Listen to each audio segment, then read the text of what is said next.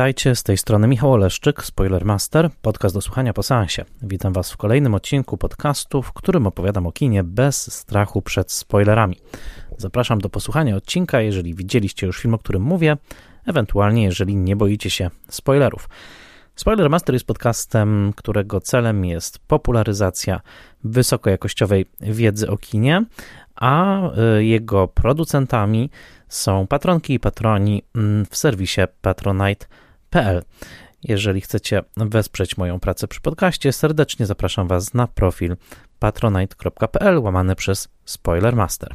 Szczególnie dziękuję moim patronkom i patronom imiennym, e, a zatem Festiwalowi Mediów Człowiek w zagrożeniu w Łodzi, Łukaszowi Daleckiemu, Agnieszce Egeman, Sebastianowi Firlikowi, Odjemu Hendersonowi, Beacie Hołowni, Annie Jóźwiak, Bartłomiejowi Kłosiewiczowi, Tomaszowi Kopoczyńskiemu, Władimirowi Panfiłowowi, Mateuszowi Stępniowi, Weronice Więsyk, Jackowi Wiśniewskiemu, Jerzemu Zawadzkiemu i Tomaszowi Mączce, autorom podcastu Let's Mate Movies, blogowi Przygody Scenarzysty, prezentującemu analizy scenariuszowe, a także portalowi Outfilm, oferującemu szeroki wybór filmów o tematyce LGBT+.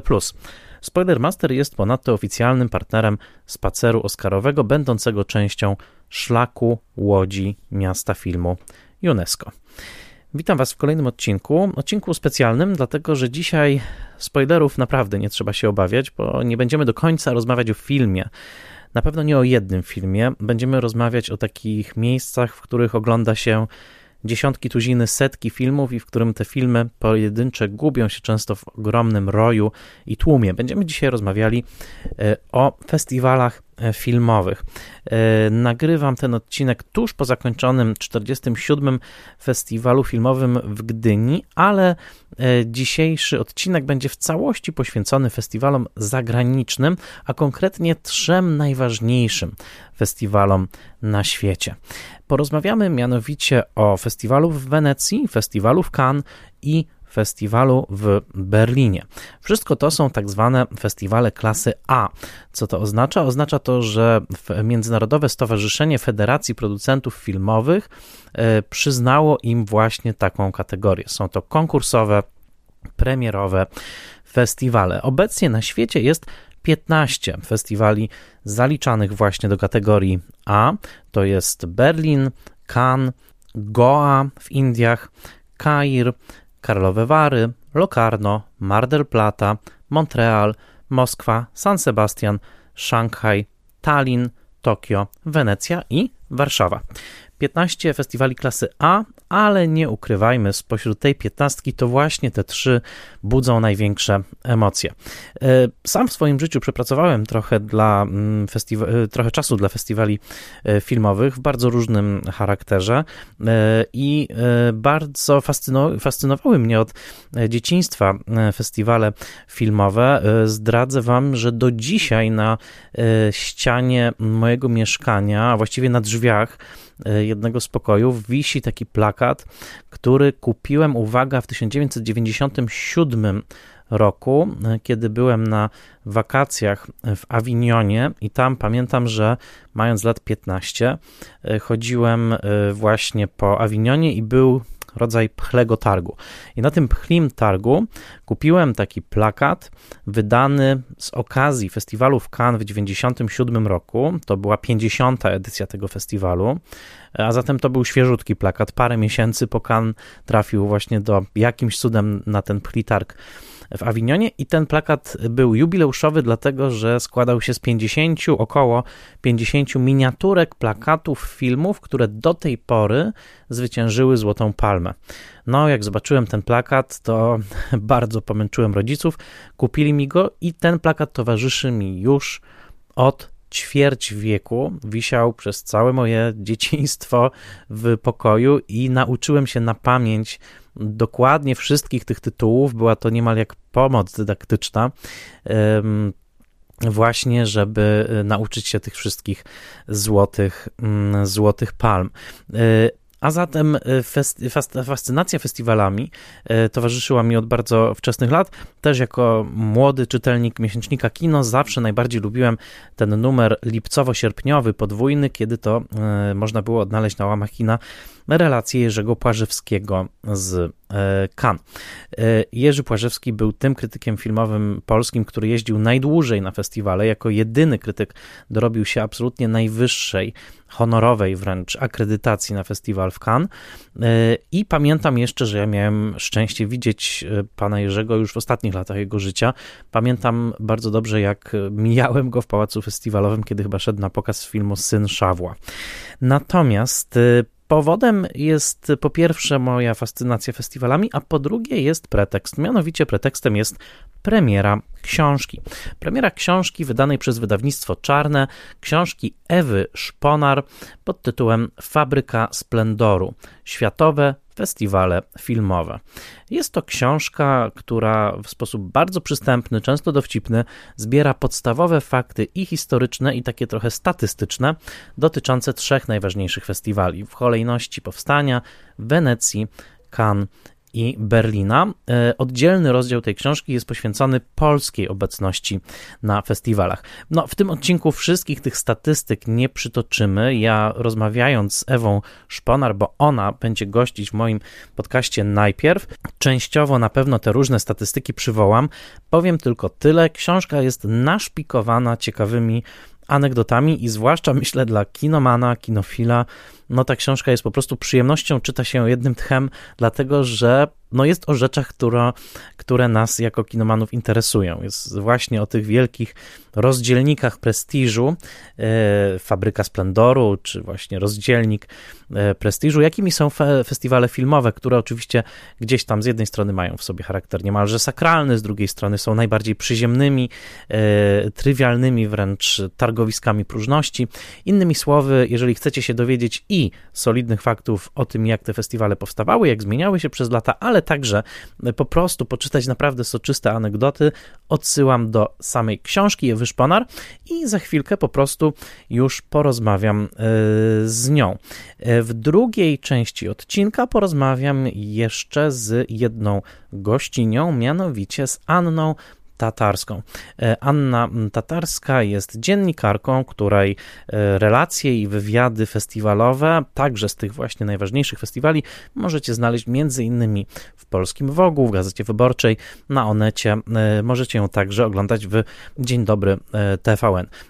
Ania ja jeździ na festiwale już od wielu lat, jest bardzo doświadczona i pomyślałem, że popytam ją o technikalia pobytów na festiwalu, bo od strony właśnie dziennikarza, dziennikarki, którzy pracują na festiwalu, można zobaczyć tą wielką machinę od kuchni i przede wszystkim zrozumieć y, tę promocyjną, y, y, promocyjną rolę festiwali, bo poza wszystkim innym oczywiście są to miejsca, festiwale filmowe, to miejsca, w których promuje się tytuły, promuje się filmy, licząc na to, że zyskają jak największy rozgłos, a następnie jak największe zyski. A zatem będą dwie rozmowy w tym odcinku, obydwie bardzo ciekawe. Zapraszam Was serdecznie, bo e, i Ewa, i Ania e, podzielą się z Wami mnóstwem interesujących e, faktów. No i może troszkę po wysłuchaniu tego odcinka lepiej poczujecie, czym są te trzy naprawdę legendarne imprezy, które mimo pandemii, mimo wszystkich zmian, nadal elektryzują, nawet jeżeli nie cały świat, to na pewno świat fanów kina. Pierwszą moją rozmówczynią, a za, zatem jest Ewa Szponar. E, Ewa jest także wykładowczynią Warszawskiej Szkoły Filmowej. Nawet miałem okazję kiedyś odwiedzić jej zajęcia i porozmawiać z jej studentami e, i e, bardzo mi było miło za pośrednictwem Zooma porozmawiać z nią o jej książce, którą raz jeszcze serdecznie Wam polecam. A zatem teraz porozmawiajmy z Ewą Szponar. I jest już ze mną Ewa Szponar. Witaj Ewo. Witaj Michale. Bardzo dziękuję Ci, że przyjąłeś zaproszenie e, i przede wszystkim cieszę się, że porozmawiamy o Twojej e, książce. E, napisałaś książkę pod tytułem Fabryka Splendoru, traktującą o festiwalach filmowych i porozmawiamy dzisiaj o trzech najważniejszych festiwalach.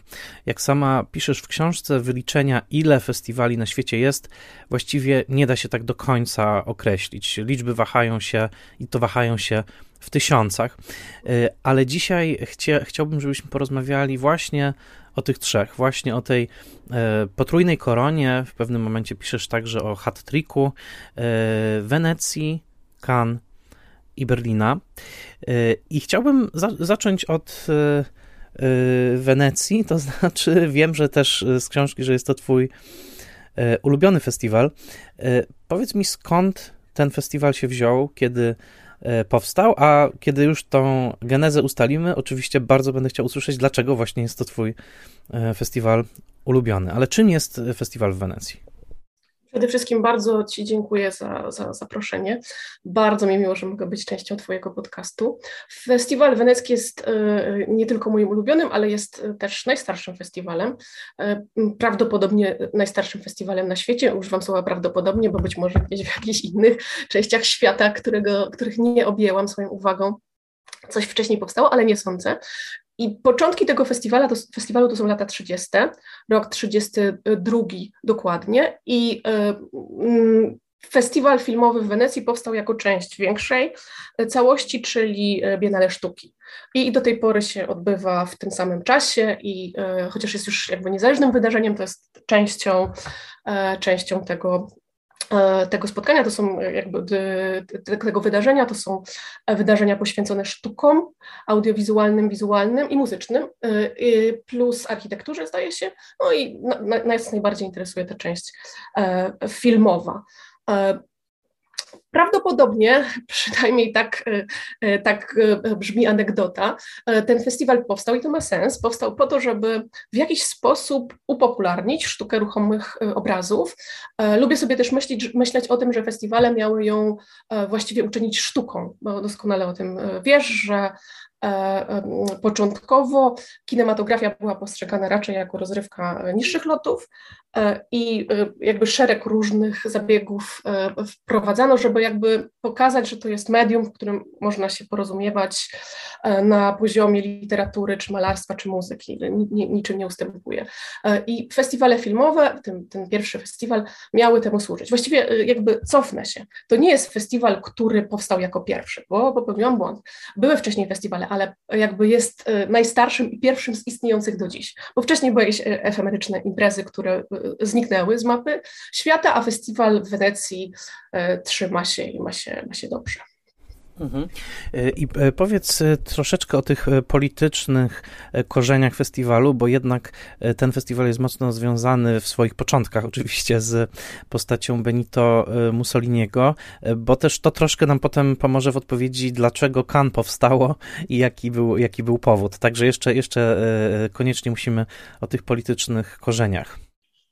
Tak, ten festiwal, który powstał, jak lubię wierzyć, z pobudek idealistycznych i jakby artystycznych, szybko e, zmienił swój profil na taki dość mocno polityczny.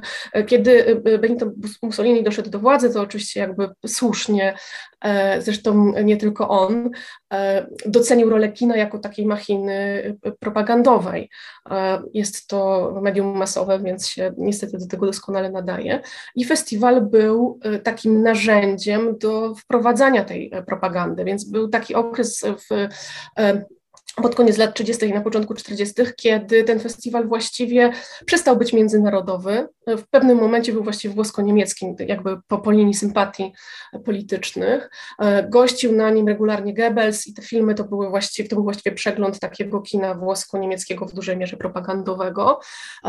I mm, to jest taki niechlubny okres w dziejach, w, dzie, w dziejach e, e, historii Wenecji, ale nie zapominajmy, e, że ona jednak powstała ciut wcześniej i że, że jakby te początki były, nawet jeśli nie całkiem wolne od polityki, bo to niemożliwe, to jednak aż tak bardzo mocno nią nie, nie. I przez ten swój okres faszystowski Wenecja dosyć długo odzyskiwała siły po, po II wojnie i jakby szukała um, sposobu na zaistnienie, były różne sposoby w, w, kierunku ascezy, w kierunku przepychu. Po drodze właśnie powstało, powstało Kano, o którym wspomniałeś, które bardzo szybko przejęło taką palmę, pierwszeństwa palmę notabene. I y, Wenecja jakby do tej pory próbuje y, dogonić Kan, co jej się nie do końca udaje, ale próby są, próby są liczne. Mhm. E, I mm, piszesz też e, w książce o tym, że zwłaszcza w ostatnich latach, bo dodajmy, że na festiwalu w Wenecji główna nagroda to jest Złoty Lew, konkretnie Złoty Lew Świętego Marka, czyli symbol e, właśnie Wenecji. Piszesz, że ten festiwal, o którym jeszcze zaraz cię zapytam, pewne zawirowania, zwłaszcza o te, że tak powiem, momenty przerwania festiwalu, bo to zawsze jest ciekawe. Każdy duży festiwal, mam wrażenie, ma jakiś taki epizod, kiedy właśnie jest zrywany i to chyba jest już taki niemal powód do chwały, że były jakieś takie polityczne zawirowania, które to sprawiły, ale przytoczę słowa z rozdziału z twojej książki, bo ty y, na, na podstawie kilku werdyktów y, bardzo dobrze pokazujesz, jak w ostatnich latach w zasadzie te trzy imprezy, czyli Wenecja, Cannes i Berlin, y, jakby sprofilowały się. To znaczy, ty stawiasz taką tezę, że Berlin to jest przede wszystkim i Złoty Niedźwiedź tym samym nagroda dla kina poszukującego, autorskiego, często bardzo niszowego. Y, Cannes to jest kino wielkich autorów, wielkich nazwisk, pisanych z możliwie wielkich liter, a Wenecja to jest ten festiwal, który najbardziej flirtuje z Hollywood y, i nie boi się dawać nagród no, bardzo mainstreamowym można powiedzieć, filmom, które następnie odnajdujemy na e, Oscarowym dywanie. I tylko przytoczę te, e, bo ty piszesz, piszesz tak, Rzućmy okiem na trzy ostatnie przedpandemiczne festiwalowe lata. 2017 Dusza i Ciało Ildiko Eliedi otrzymuje Złotego Niedźwiedzia w Berlinie. The Square Rubena Ostlunda Złota Palma. Później Ruben Oslund dostał drugą złotą palmę, więc twoja teza jeszcze jest mocniejsza nawet. Yy, I kształt wody Guillermo del Toro wygrywa w Wenecji. 2018 w tej samej kolejności wyróżnień mamy Berlin, Touch Me Not, Adiny Pintilia, Złodziejaszki, Hirokazu Koreedy, Cannes, Roma, Alfonsa Cuarona, yy, Wenecja, późniejszy Oscar za film zagraniczny i 2019 synonimy Nadawa Lapida wygrywają w Berlinie, Parasite Bonga wygrywa Cannes, e, Tutaj troszkę to się zaburza, bo też będzie Oscar, ale in, to wyjątkowy przypadek. Film koreański i Joker Toda Philipsa otrzymuje właśnie nagrodę e, w, e, w Wenecji.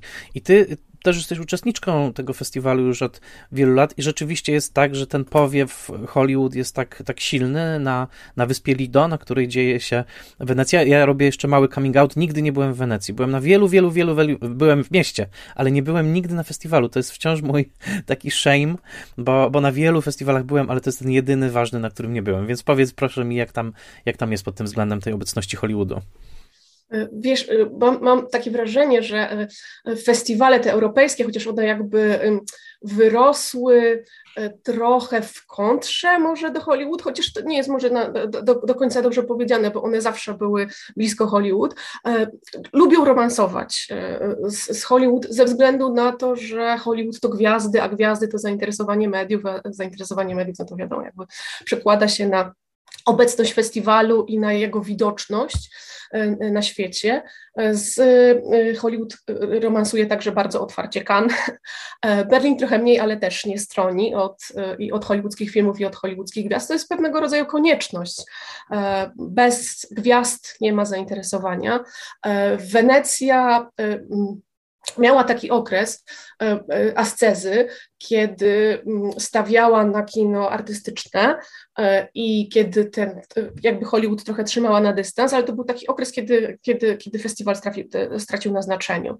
Więc e, okazało się, że bez tej krwi, dopływu krwi z Hollywood e, właściwie nie da się utrzymać takiej dużej imprezy i zainteresowania tą imprezą. Więc tak, Hollywood teraz bardzo mocno, bardzo mocno wraca na Lido i od czasu do czasu oczywiście się zdarzają takie werdykty, które jakby są jakby całkowicie sprzeczne e, z ideą komercji, chociażby e, gdzieś w ostatnich latach kobieta, która odeszła, Lawa Diaza, była takim e, mocnym uderzeniem, bo, no bo to jakby film, który zdecydowanie jakby komercyjnie nie miałby szans, chociaż mógłby oczywiście dostać Oscara w tej sekcji zagranicznej.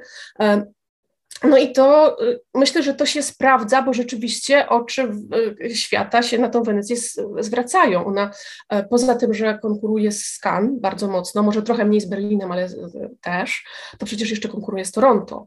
gigantem z oceanu, gdzie gwiazdy mają dużo bliżej. mówiąc o gwiazdach, mam na myśli oczywiście cały czas hollywoodzkie gwiazdy. W Europie też są gwiazdy, ale, ale nie oszukujmy się, pewnie każdy z nas, myśląc o gwieździe filmowej, myśli jednak o Hollywood. E, mają bliżej i jest im tam łatwiej po prostu się dostać, więc trzeba je jakoś e, skusić, żeby się też na wycieczkę do Europy zdecydowały. No i organizatorzy w Wenecji oczywiście jakby próbują też e, rozkręcić tą część branżową, targową, żeby też, żeby też te duże nazwiska ściągnąć, ale to jest widoczne. Czerwony dywan w Wenecji jest podobno najdłuższym czerwonym dywanem. I ponieważ jakby na, na, na, na, ten festiwal dużo łatwiej się dostać, będąc osobą spoza branży, można kupić bilety, e, można tam łatwiej wejść, to z, z, od rana po prostu koczują ludzie i e, czekają na swoich ulubieńców, więc to Hollywood jest bardzo obecny. E, I e, jakby tak jak mówiłeś, i to podkreślam też parę razy w książce, że Wenecja jest moim ulubionym festiwalem, więc bardzo zachęcam, bardzo zachęcam także z takich względów e, turystyczno-przyrodniczych. Jest po prostu tam, e, znasz Wenecję, no to wiesz, że jest, jest wspaniała, jest ciepło, Włochy, w ogóle, no, dolce vita. Chociaż oczywiście też dużo pracy, ale to już mhm. Tak, o tej pracy na pewno wspomnimy, bo ty bardzo przenikliwie piszesz, zacytuję, że w dziennikarzach festiwalowych, zwłaszcza tych z mniej uprzywilejowanych części Europy, nie ukrywajmy, takich jak Polska, y, którzy jeżdżą po świecie jako freelancerzy i muszą bardzo się starać, żeby zamknąć swój końcowy budżet na plusie, jest coś z masochistów. Powiem też, że jako, no, też, też pojeździłem po festiwalach i chyba nigdy mi się nie udało budżetu zamknąć na plusie, bo zazwyczaj to jest tak, że w sumie to, co się zarobi z tych, powiedzmy, artykułów, to często po prostu pokrywa ten, ten wyjazd, więc raczej wychodzi się wychodzi się na zero. Y, natomiast jeszcze tylko właśnie do Wenecji, bo, bo, bo, bo chciałbym też zaznaczyć, y, no właśnie, ja, ja byłem dwa razy w Toronto, czyli y, w tym czasie, kiedy właśnie zazwyczaj, kiedy też jest Wenecja, ja jestem wielkim fanem festiwalu w Toronto, kto wie nawet, czy to nie jest mój ulubiony festiwal, najlepsze doświadczenie, takie najbardziej przyjazne, może spokojne, chyba dlatego, że też nie ma tam konkursu, natomiast no poza, poza konkursem, tak, poza konkursem publiczności oczywiście, ale chciałem e, e, powiedzieć, bo, bo tutaj pięknie opisujesz też, że no jesteśmy w Wenecji, jesteśmy we Włoszech. E, palazzo, prawda, jest tutaj ważnym tutaj słowem, nam się kojarzącym z pałacem, faktycznie oznaczające kamienicę, ale piszesz o temperamencie włoskim, także o temperamencie wy recepcji filmów. I kiedy myślimy Wenecja, no to możemy pomyśleć Visconti, oczywiście. E, historia rodziny Visconti też jakoś tam jest powiązana, przynajmniej z jednym obiektów festiwalowych, ale jak piszesz, Visconti wcale nie miał aż takiego szczęścia do e, festiwalu w Wenecji właśnie. Między innymi piszesz o tym, że kiedy pokazywał tam swój film Zmysły, to jest rok 1954. Wygrał wtedy film Romeo i Julia e, Renato Castellaniego, to fani Viscontiego skandowali nazwisko swojego mistrza głośno na sali. I kiedy o tym piszesz, to jestem w stanie to sobie błyskawicznie wyobrazić, właśnie ten, ten, ten włoski temperament. Piszesz też, że w trakcie, po projekcji mm, filmu Terensa Malika Voyage in Time yy, yy, widzowie chyba spontanicznie krzyczeli, że to arcydzieło, poezja kina, więc rozumiem, że ten jakby temperament miejsca też się po prostu udziela samemu odbiorowi filmów. Tak, chociaż e, trzeba zaznaczyć, e, że e, to jest też specyfika festiwali i specyfika pokazów prasowych, bo ja ze względu na, na to, że, że jakby jeździłam zazwyczaj zawsze, nie zazwyczaj, tylko zawsze na te festiwale duże, e, jakby z zadaniem ich relacjonowania. Rzadko mi się zdarzało być na takich pokazach otwartych dla publiczności, które są jakby e, trochę inne, e, a zazwyczaj oglądałam te filmy po prostu w towarzystwie dziennikarzy, więc to jest grupa, która jest, przypuszczam, raz bardziej wymagająca, no bo jakby z definicji powinna być e, e, zaangażowana bardziej w to, żeby jakby wyłapywać naj, na, na najlepszą jakość, a dwa pewnie trochę bardziej powściągliwa, no bo jakby zwykła e, widownia, zwykła w cudzysłowie jakby nie ma w tym e, jakby nic oceniającego, e, może dawać wyraz swojej miłości bardziej wprost, niekoniecznie jakimś, nie wiem, fachowym ocenom, tylko właśnie miłości ale ta publiczność festiwalowa e, zazwyczaj się e, jakoś, jakoś odzywa.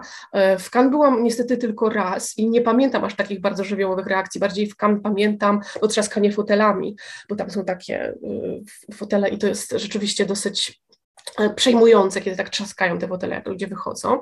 Natomiast w Wenecji tak. I masz rację, ja teraz y, y, y, pamiętam z, z Malikiem, rzeczywiście ten film nie należy do najwybitniejszych dzieł Malika, który no, jest autorem przez wielkie A i jakby spokojnie mógłby się też w, w kan odnaleźć, więc nie dziwię się, że się pojawiły, że się pojawiły takie głosy.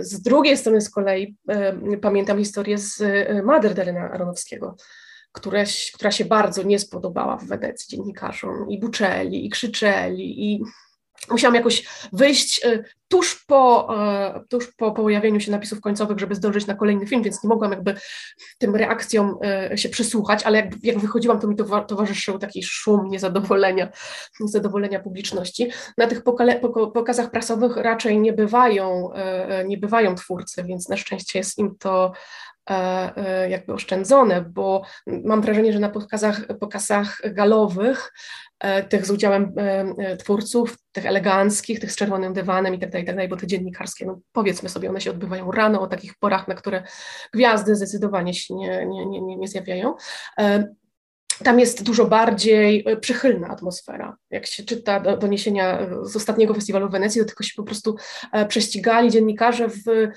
jakby ustalaniu trwania czasu oklasków, prawda? I można jakby odnieść wrażenie, że te wszystkie filmy się tak strasznie podobały. A mi się wydaje, że to wynika ze specyfiki tych pokazów galowych, że tam po prostu trochę jakby nie wypada buczeć, chociaż jakby może myśmy się też zmienili jako widzowie, bo kiedyś buczano i kiedyś jakby publiczność nie miała z tym e, kłopotów, a twórcy nie mieli kłopotu, żeby odpyskować coś publiczności. Teraz tak trochę się to wygładziło. Chyba mhm. rzadko już nikt nie pyskował publiczności.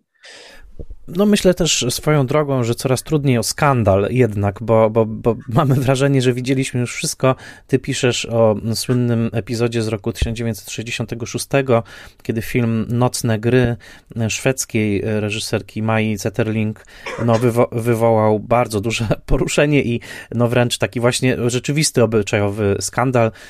Najprawdopodobniej odbył się tajny pokaz tego, tego filmu. Wszyscy o tym filmie wtedy mówili. Dzisiaj naprawdę trudno sobie wyobrazić, jaki film mógłby coś takiego e, wywołać, ale też bardzo mnie zainteresowało, bo przytaczasz, my rzadko e, myślimy o tym, że przecież tak naprawdę kształt danego festiwalu i kształt werdyktu jest tak bardzo, bardzo zależny od po prostu od jury. I piszesz e, tutaj bardzo obszernie o, o, o doborze jury, o tym, kto w tym jury jest, że to jest taka, taka szczególna chemia troszeczkę, bo, bo, bo wiadomo, że po, nawet po figurze przewodniczącego czasami można przewidywać, jaki potem film się zapisze w mm, historii kina. Y, piszesz, bo tak y, próbowałem prześledzić i wydaje mi się, że to jedyny taki przypadek, popraw mnie, ale że tylko raz mm, Polak był przewodniczącym jury w Wenecji, to jest Krzysztof Zanussi, rok 85. Y, swoją drogą zwycięzca także wcześniejszy za rok spokojnego słońca. I piszesz też o takich bardzo przyziemnych rzeczach, jak na przykład to, że jeden z jurorów nie za bardzo chciał oglądać pewien ośmiogodzinny film. Tak w ogóle historia jurorowania na, na, na festiwalach to zasługuje na odrębną opowieść, bo to są wspaniałe, wspaniałe opowieści i jakby nawet cofając się o krok, wydawałoby się, i często to jest tak postrzegane, że zaproszenie do jury, e, już nie mówiąc o tej funkcji przewodniczącego, która jest co prawda honorowa, bo przewodniczący ma jakby taką samą siłę głosu jak jak pozostali e, członkowie jury, no ale e, jakby jest, jest na froncie. Wydawałoby się, że to jest taki maksymalny zaszczyt jakby w hierarchii festiwalowej i o tym na przykład mówiła Małgorzata Szumowska, że bycie w konkursie super, ale bycie jury to już jest, jury to już jest w ogóle jakby odrębny świat, e, a tu się okazuje, że są czasami różne przepychanki i nie każdy chce być w tym jury, jakby y, odrzucając propozycje albo jakoś wybrzydzając, albo stawiając takie warunki, że, że, że organizatorzy nie bardzo mogą je spełnić, albo spełniają z wielkim trudem. E, I rzeczywiście od bardzo często, nie, nie bardzo często, tylko zawsze od, od składu osobowego jury e, zależy jakby mm, mm, zależą nagrody i też w pewnym sensie los tych filmów, bo bywa tak, że filmy zupełnie pominięte w werdyktach gdzieś wypływają tak czy siak, a te, które mają złote palmy czy złote lwy w przypadku Wenecji gdzieś przepadają, ale jednak najprostszą drogą do sukcesu jest dostać nagrodę, a nie jej, a nie jej nie dostać. Chociaż jakby z założenia, że, że jury ma być taką instytucją demo, demokratyczną. Po to to jury jest, bo to jest na tych najważniejszych festiwalach, kiedyś jakby nazywanych A-klasowymi, żeby zapewnić jakiś rodzaj sprawiedliwości, ale to różnie bywa, różnie bywa, bo nie tylko jest tak, że jakby właśnie się zderzają ludzie o różnych gustach i akurat taki gust może przeważać, ale czasami jest właśnie tak, że niektórzy nie dopuszczają do głosu innych i jakby forsują swoje. Mhm. Yy, nigdy, właśnie to jest to, że też nigdy się tego nie dowiemy, bo ty piszesz, że te yy, obrady jury są po prostu bardzo tajne i yy, nawet piszesz o konkretnych miejscach, w których one się mm, odbywają. O tym za chwilkę jeszcze a propos Cannes. Dodam tylko, że owym przysypiającym jurorem był Eugene Ionesco, pisarz, który symulował zasłabnięcie tylko po to, żeby nie obejrzeć siedmiogodzinnego filmu Satynowy Trzewik Manuela de Oliveira więc bywa, bywa i tak. Ale właśnie, przejdźmy do Kan, bo Kan to taka perła wśród pereł w koronie. Nie ma naprawdę nagrody, która by bardziej rozpalała wyobraźnię filmowców.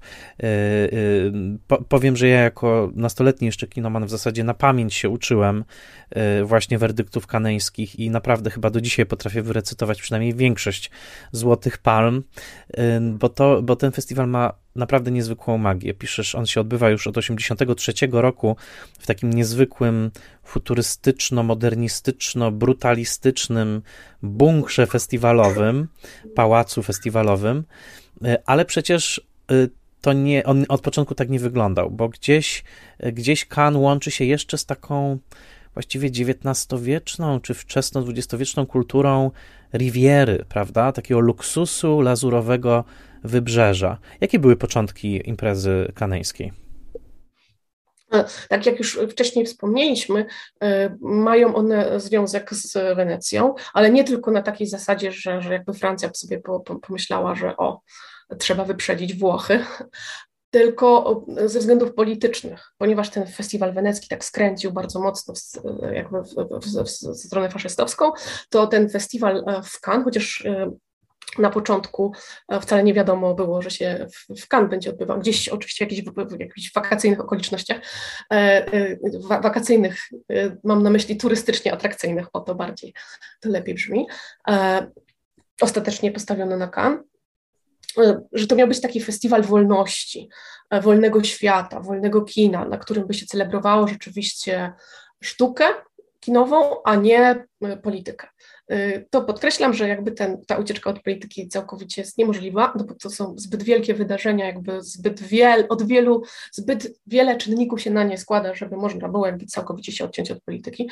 Pewnie się od polityki mogą odciąć jakieś malutkie festiwale, E, ale nie takie wielkie imprezy. Natomiast jakby idea była taka, że to jest festiwal e, jakby wolności i że to jest festiwal, jakby, który od polityki stroni na tyle, na ile to jest możliwe. Ponieważ e, no, Francuzi bardzo dobrze jakby potrafią, raz, że potrafią jakby ma, mają talent do tego, żeby jakby y, opatentowywać, czy sobie przepisywać pewne wynalazki, no jakby powtarzamy niezmiennie, że Francuzi są y, y, wynalazcami kina, chociaż wiemy, że to jest jakby bardziej skomplikowane, ale niech, niech już tak zostanie, że, że bracia Limier wynaleźli kino, tego się trzymamy. I jakby ten świat festiwalowy, czy też jakby całą tą machinę festiwalu też bardzo sprawnie rozkręcili, i e, no właśnie stąd, e, mimo że Wenecja jest starsza, no to Cannes jest takim symbolem właściwie festiwali i e, wydaje mi się, mogę się mylić, ale wydaje mi się, że jakby na, na całym świecie to jest nazwa znacząca, że jakby trochę w tym pobrzmiewa jakiś, jak, jak, jakieś takie nuty europocentryzmu, ale, ale słyszałam opowieści o ludziach gdzieś tam podróżujących po świecie, którzy właśnie opowiadali o tym, że byli w Cannes i to robiło takie wielkie wrażenie. Cannes. No tak, tak, tak, udało im się, rzeczywiście są, e, są tym festiwalem festiwali i e, e, zawsze tam te największe nazwiska lądują, ten line-up ogłaszany z odpowiednim wyprzedzeniem budzi najwięcej emocji, najwięcej się o nim dyskutuje. No i rzeczywiście, jeśli jakieś nagrody mają jeszcze znaczenie, no to poza Oscarami oczywiście, to pewnie gdzieś w czołówce będzie Złota Palma. Mhm.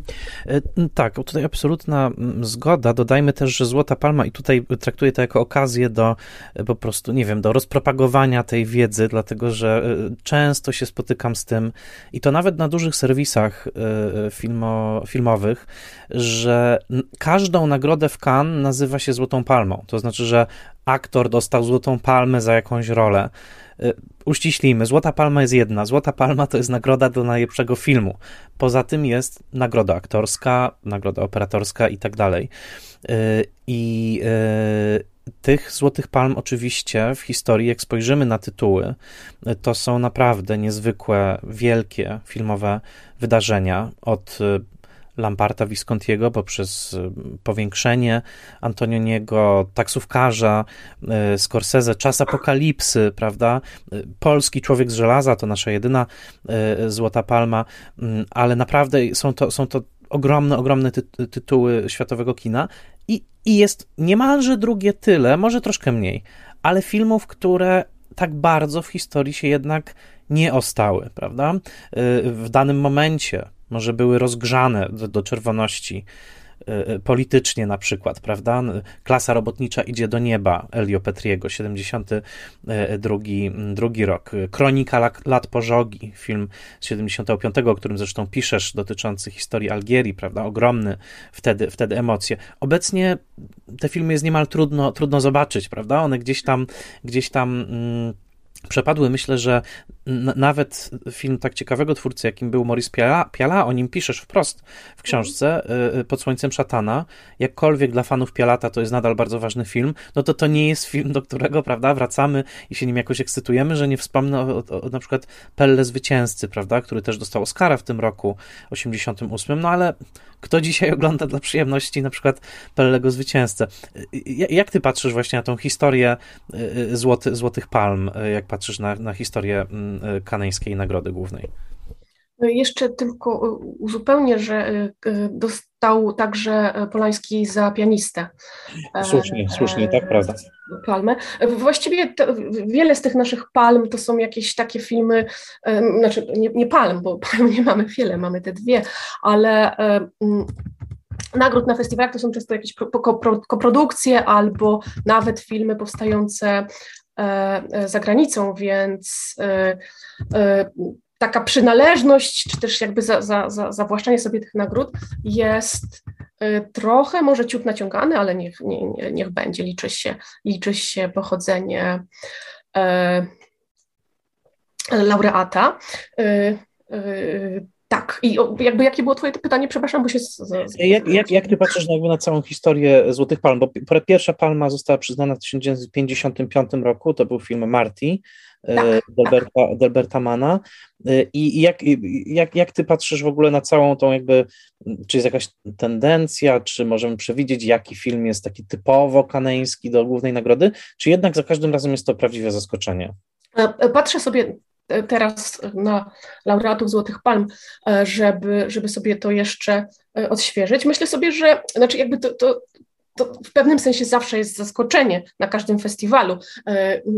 Nie jest tak, że po prostu jakby od samego pierwszego dnia można wytypować e, laureata, zwłaszcza, że się spotykają e, bardzo ciekawe e, jakby filmy i ciekawe nazwiska, więc to jest taka często wyrównana rzeczywiście, wyrównana rywalizacja. Jeszcze tylko słówko, słówko o, o palmach, zanim były przyznawane Złote Palmy, bo festiwal w Cannes no, odbył, nie odbył się w 1939 roku, właściwie nie odbył się, był zaplanowany, ale się, się nie odbył. Potem po, powrócił po II wojnie światowej w 1946 i na początku przyznawano e, nagrody, które jeszcze się nie nazywały palmami, ale jak słusznie zauważasz, e, mm, w 1955 e, taką nazwę e, tej nagrodzie, tej nagrodzie e, przyznano. I e, oglądając sobie tych zwycięzców Złotej Palmy, to jakby rzeczywiście można by odnieść wrażenie, że Kant pisze historię kina, że jakby tworzy kanon, że ta kanonizacja to nie jest tylko jakiś taki chwyt marketingowy, bo poza tytułami, które wspomniałeś, jeszcze pewnie byśmy mogli znaleźć kilka innych, e, to są naprawdę takie dzieła, które e, jakby znajdują się na liście najlepszych filmów e, wszechczasów, albo e, przynajmniej ludziom bardzo zainteresowanym kinem gdzieś się jakoś o uszy obiły. To nie są jakieś takie bardzo abstrakcyjne tytuły, które po prostu nic nikomu nie mówią. Może nie każdy je widział, ale gdzieś te tytuły przynajmniej, znaczy tytuły są znane, takie mam wrażenie, no bo patrzę, jest i, e, i Fellini, Altman, e, no po prostu mnóstwo, mnóstwo nazwisk, które jakoś z, z kanonem kojarzymy. Mało kobiecych nazwisk, no ale to się trochę zmienia w ostatnich latach.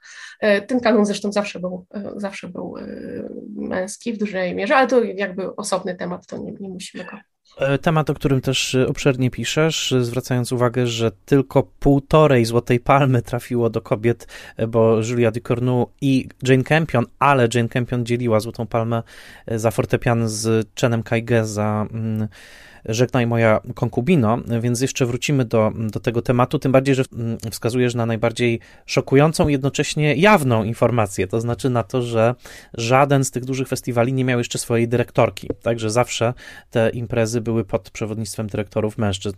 O tym za chwilę, natomiast chciałem zwrócić uwagę, tak jak to przed chwilą nazwałaś, że Kan pisze historię kina, to dodajmy także, i tutaj pozwolę sobie zacytować fragment, Twojej książki, że czasami zmyślny fortel jakiegoś bardzo przewidującego jurora potrafi faktycznie przekierować całą zwrotnicę historii kina. Piszesz tak, twórca kryminałów Georges Simenon który był w jury e, kaneńskim, pozwolił wagarować e, Henrymu Millerowi, który także był w tym jury, autorowi Zwrotnika Raka, jeśli tylko ten będzie głosował pod jego dyktando.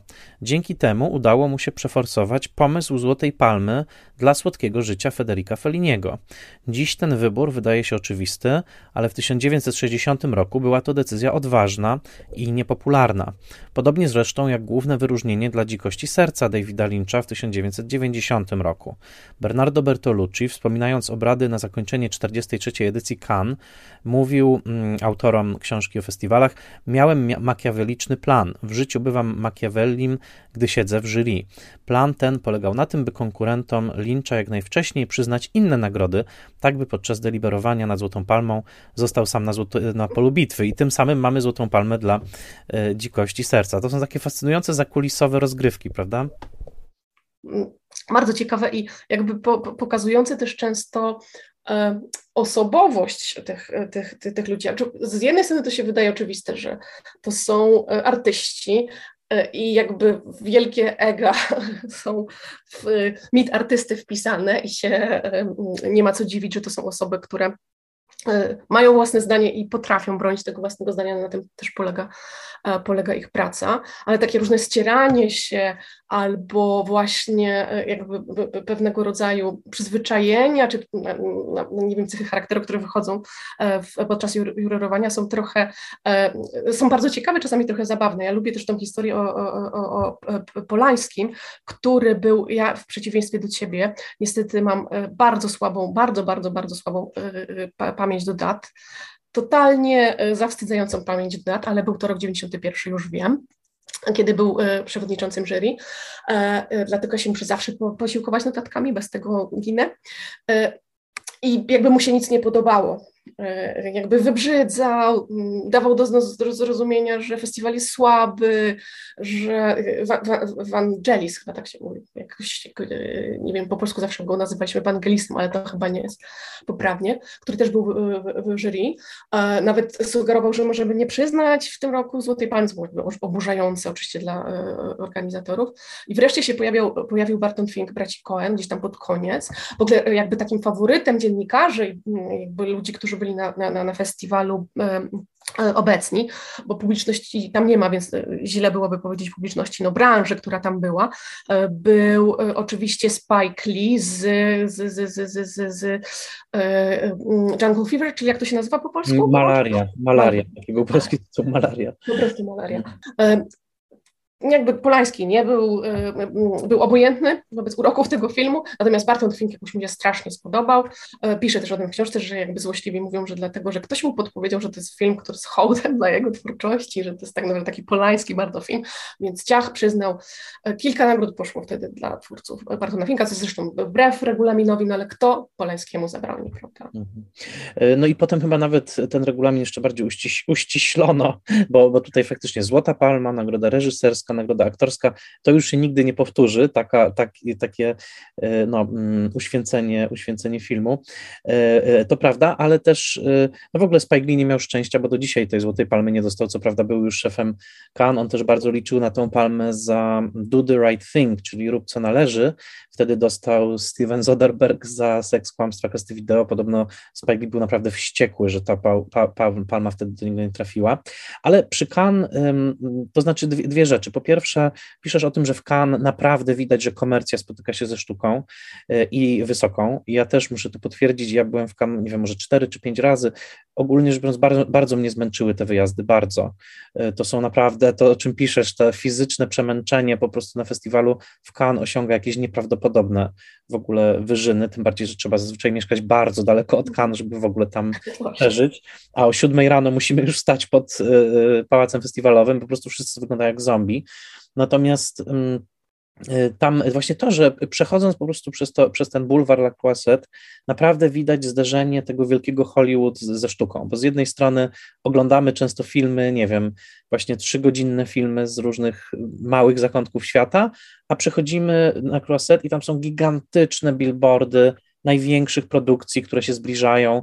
Ty nawet napisałaś o tym, że kiedy e, e, zbliżała się premiera filmu The Expendables 3 chyba, to po Croisset przejechały czołgi, w których był Mel Gibson. E, teraz zapominam, ja z kolei zapominam, jacy jeszcze byli gwiazdorzy tego filmu, ale ogólnie no to jest taki komercha, nawet nie tylko komercja, ale taka komercha przez ogromne K, prawda, żeby pokazać się w tym, w tym kan.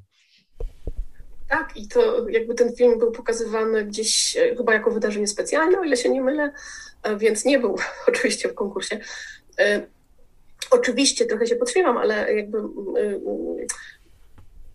hollywoodscy producenci niespecjalnie, zwłaszcza takich blockbusterów, niespecjalnie lubią konkursy, no bo jakby wiadomo, że, że jakby brak jakiejkolwiek nagrody, no to może być jakiś e, sygnał dla widzów, że film nie jest na najlepszej jakości, chociaż podobno dla Amerykanów to się nie liczy, jakby nieliczni rozpoznają w ogóle Złotą Palmę i przypisują jakiekolwiek znaczenie.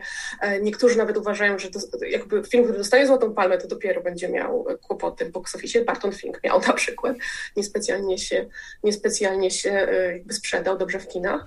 E, więc tak, ta komercja tam jest obecna. Przypomniałam sobie ten czołg, to było jakby w ogóle szaleństwo jakieś, bo e, e, bardzo dużo ludzi jest w Cannes, mimo że jakby na sam festiwal nie można wejść, no chyba, że się wyprosi to zaproszenie, bo to też z pewnością widziałaś wiele razy, jak ludzie w eleganckich strojach od rana koczują, mając nadzieję, że ktoś, kto ma zbędne zaproszenie im właśnie da tą swoją kopertę i będą mogli wejść na pokaz galowy, tam trzeba się elegancko ubrać, dlatego są od rana już elegancko ubrani i tak wchodzą potem po całym dniu, więc jakby jest ta część dla publiczności, ale bardzo, bardzo, bardzo trudny dostęp, no ale z drugiej strony po paset może się każdy przechadzać, tam się przechadza każdy, tam jest taki tłum, że żeby się dostać z miejsca na miejsce, to się trzeba czasami naprawdę przebijać i to też jest strasznie męczące fizycznie, jak się człowiek spieszy jeszcze na dodatek i musi gdzieś... Głodny, głodny, dodajmy często.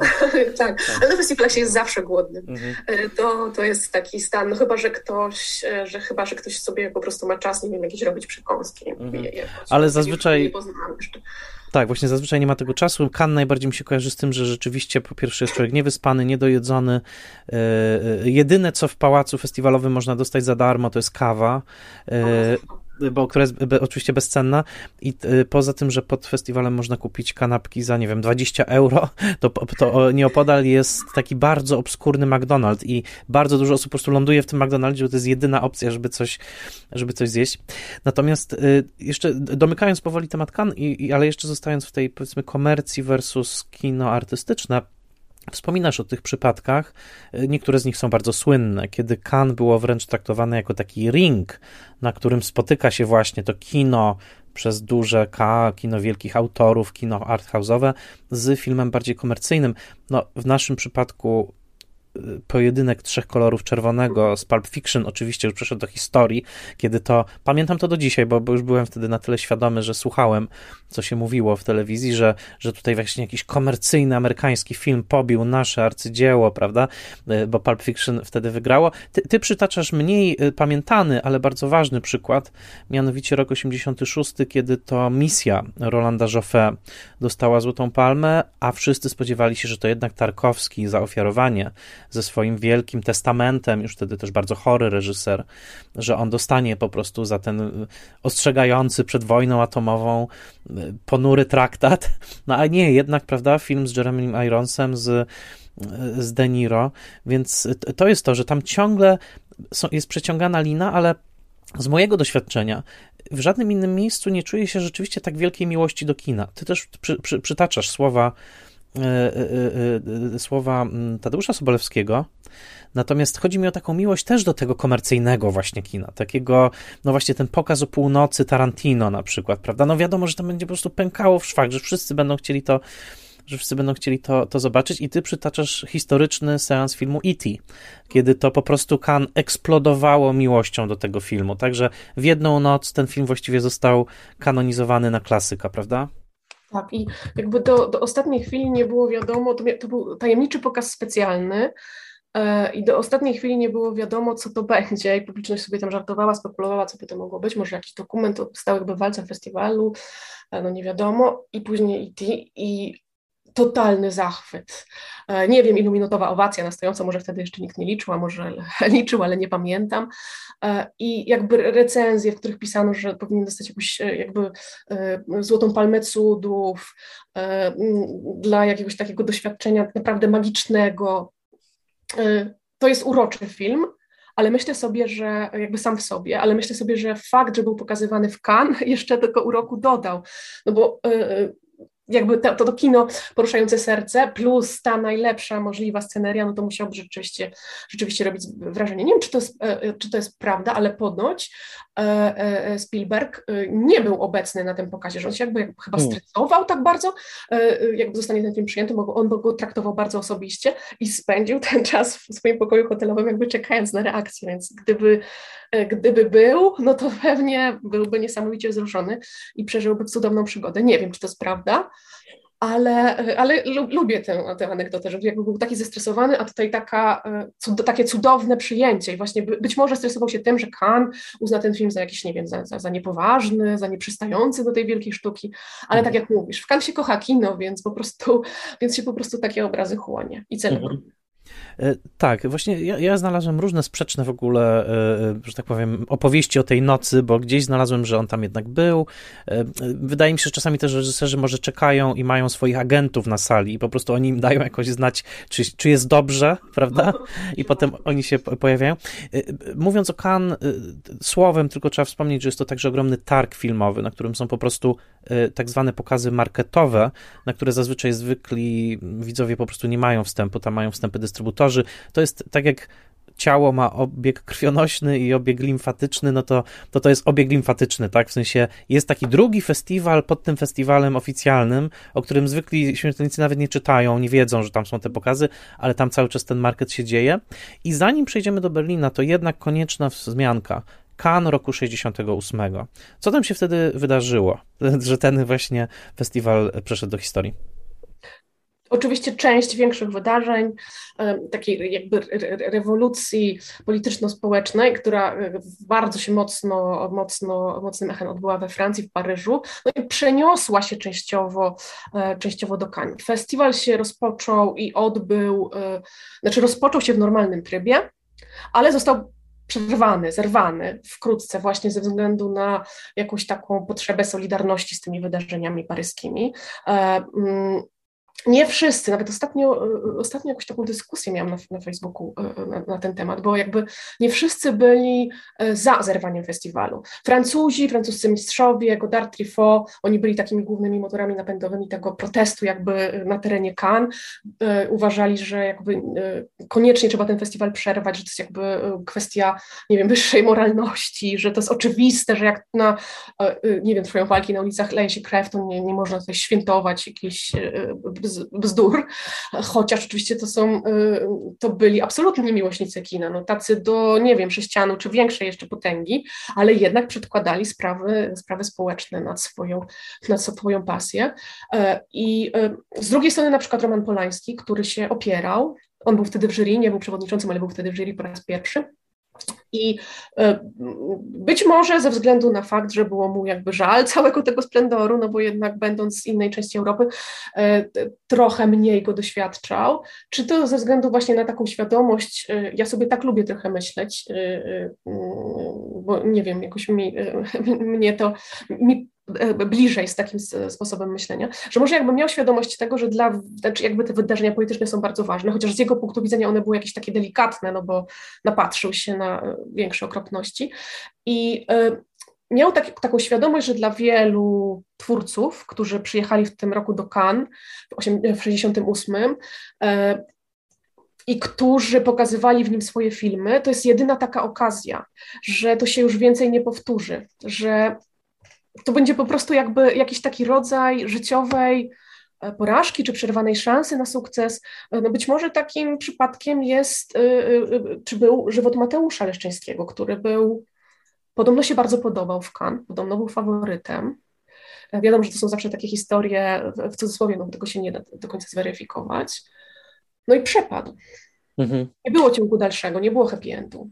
Tak, to, to jest właśnie bardzo smutne. Znaczy tutaj akurat można by się, y, to, to, to oczywiście dodam, że to, wiadomo, były bardzo, bardzo burzliwe, skomplikowane wydarzenia. Opisujesz, jak Carlos Saura rzucił się na e, parę festiwalową, żeby zapobiec pokazowi własnego filmu, prawda? Tak, bo, bo nie, doda, nie, dodaliśmy jeszcze, że właśnie jakby e, e, część twórców chciała natychmiast wycofać swoje filmy z konkursu jakby w geście Solidarności, a część chciała, żeby festiwal trwał i żeby pokazywano te dzieła. No i właśnie jakby e, Saura bardzo nie chciał i się rzucił tam na kutarę, żeby właśnie zapobiec pokazowi, wisiał na niej razem ze swoją zresztą y, partnerką i buzą. No właśnie, no właśnie, także y, to fascynujące. Ktoś powinien w ogóle zrobić film dokumentalny, mam wrażenie, o tamtym kan, bo ja y, na pewno moje wschodnioeuropejskie serce przychyla się jakoś tam do tych słów Polańskiego, bo zresztą po prostu patrząc nawet na listę filmów konkursowych w tym roku, trzeba powiedzieć, że reprezentacja wschodnioeuropejska była bardzo silna. Ty piszesz, że był film Palić moja panno Formana, ale był także film Kapryśne lato i Jerzego Mencla był właśnie wspomniany przez ciebie żywot Mateusza, który wcale nie jest mi trudno sobie wyobrazić, żeby dostał Złotą Palmę, bo naprawdę jest absolutnym arcydziełem i, i na pewno ta kariera potem Leszczyńskiego by inaczej wyglądała, ale był także, i to mam pewną informację, bo był film o uroczystości i gościach Jana Nemeca, film czechosłowacki, e, który też podobno był faworyzowany i Jan Nemec, y, później doczytałem, tak bardzo nie mógł wybaczyć tego, że ten festiwal został przerwany, bo on całe życie potem przeżył w takim wrażeniu, że okradziono go z życiowej szansy. I, i nawet w latach 90. Nemec nakręcił jakiś film, chyba taki kreacyjny dokument, gdzie podobno e, kłóci się z Godardem, jakby w sensie ma, e, Godarda gra aktor, ale on mówi, że jak mogliście wtedy to zrobić? Przecież myśmy byli tutaj u progu po prostu wielkiego świata, a, a wy nam to zrobiliście, więc to też pokazuje, że czasami taka decyzja potrafi zaważyć na całym późniejszym, prawda, życiu jakiegoś twórcy, no właśnie z Czechosłowacji na przykład wtedy, w tamtym, w tamtym czasie. Ale skoro mówimy o politycznych, powiedzmy, emocjach, no to Berlin z nich słynie, jak sama wspominasz, jest to jedyne z tych trzech miast, które jest stolicą, które nie jest urokliwym, e, e, ale jednak miejscem na uboczu. Nie, jesteśmy w Berlinie, to jest wręcz w pewnym sensie stolica XX wieku, na, raczej na złe niż na dobre. E, no i właśnie, jakie początki festiwalu berlińskiego? Berlin jest najmłodszym z festiwali, o których rozmawiamy.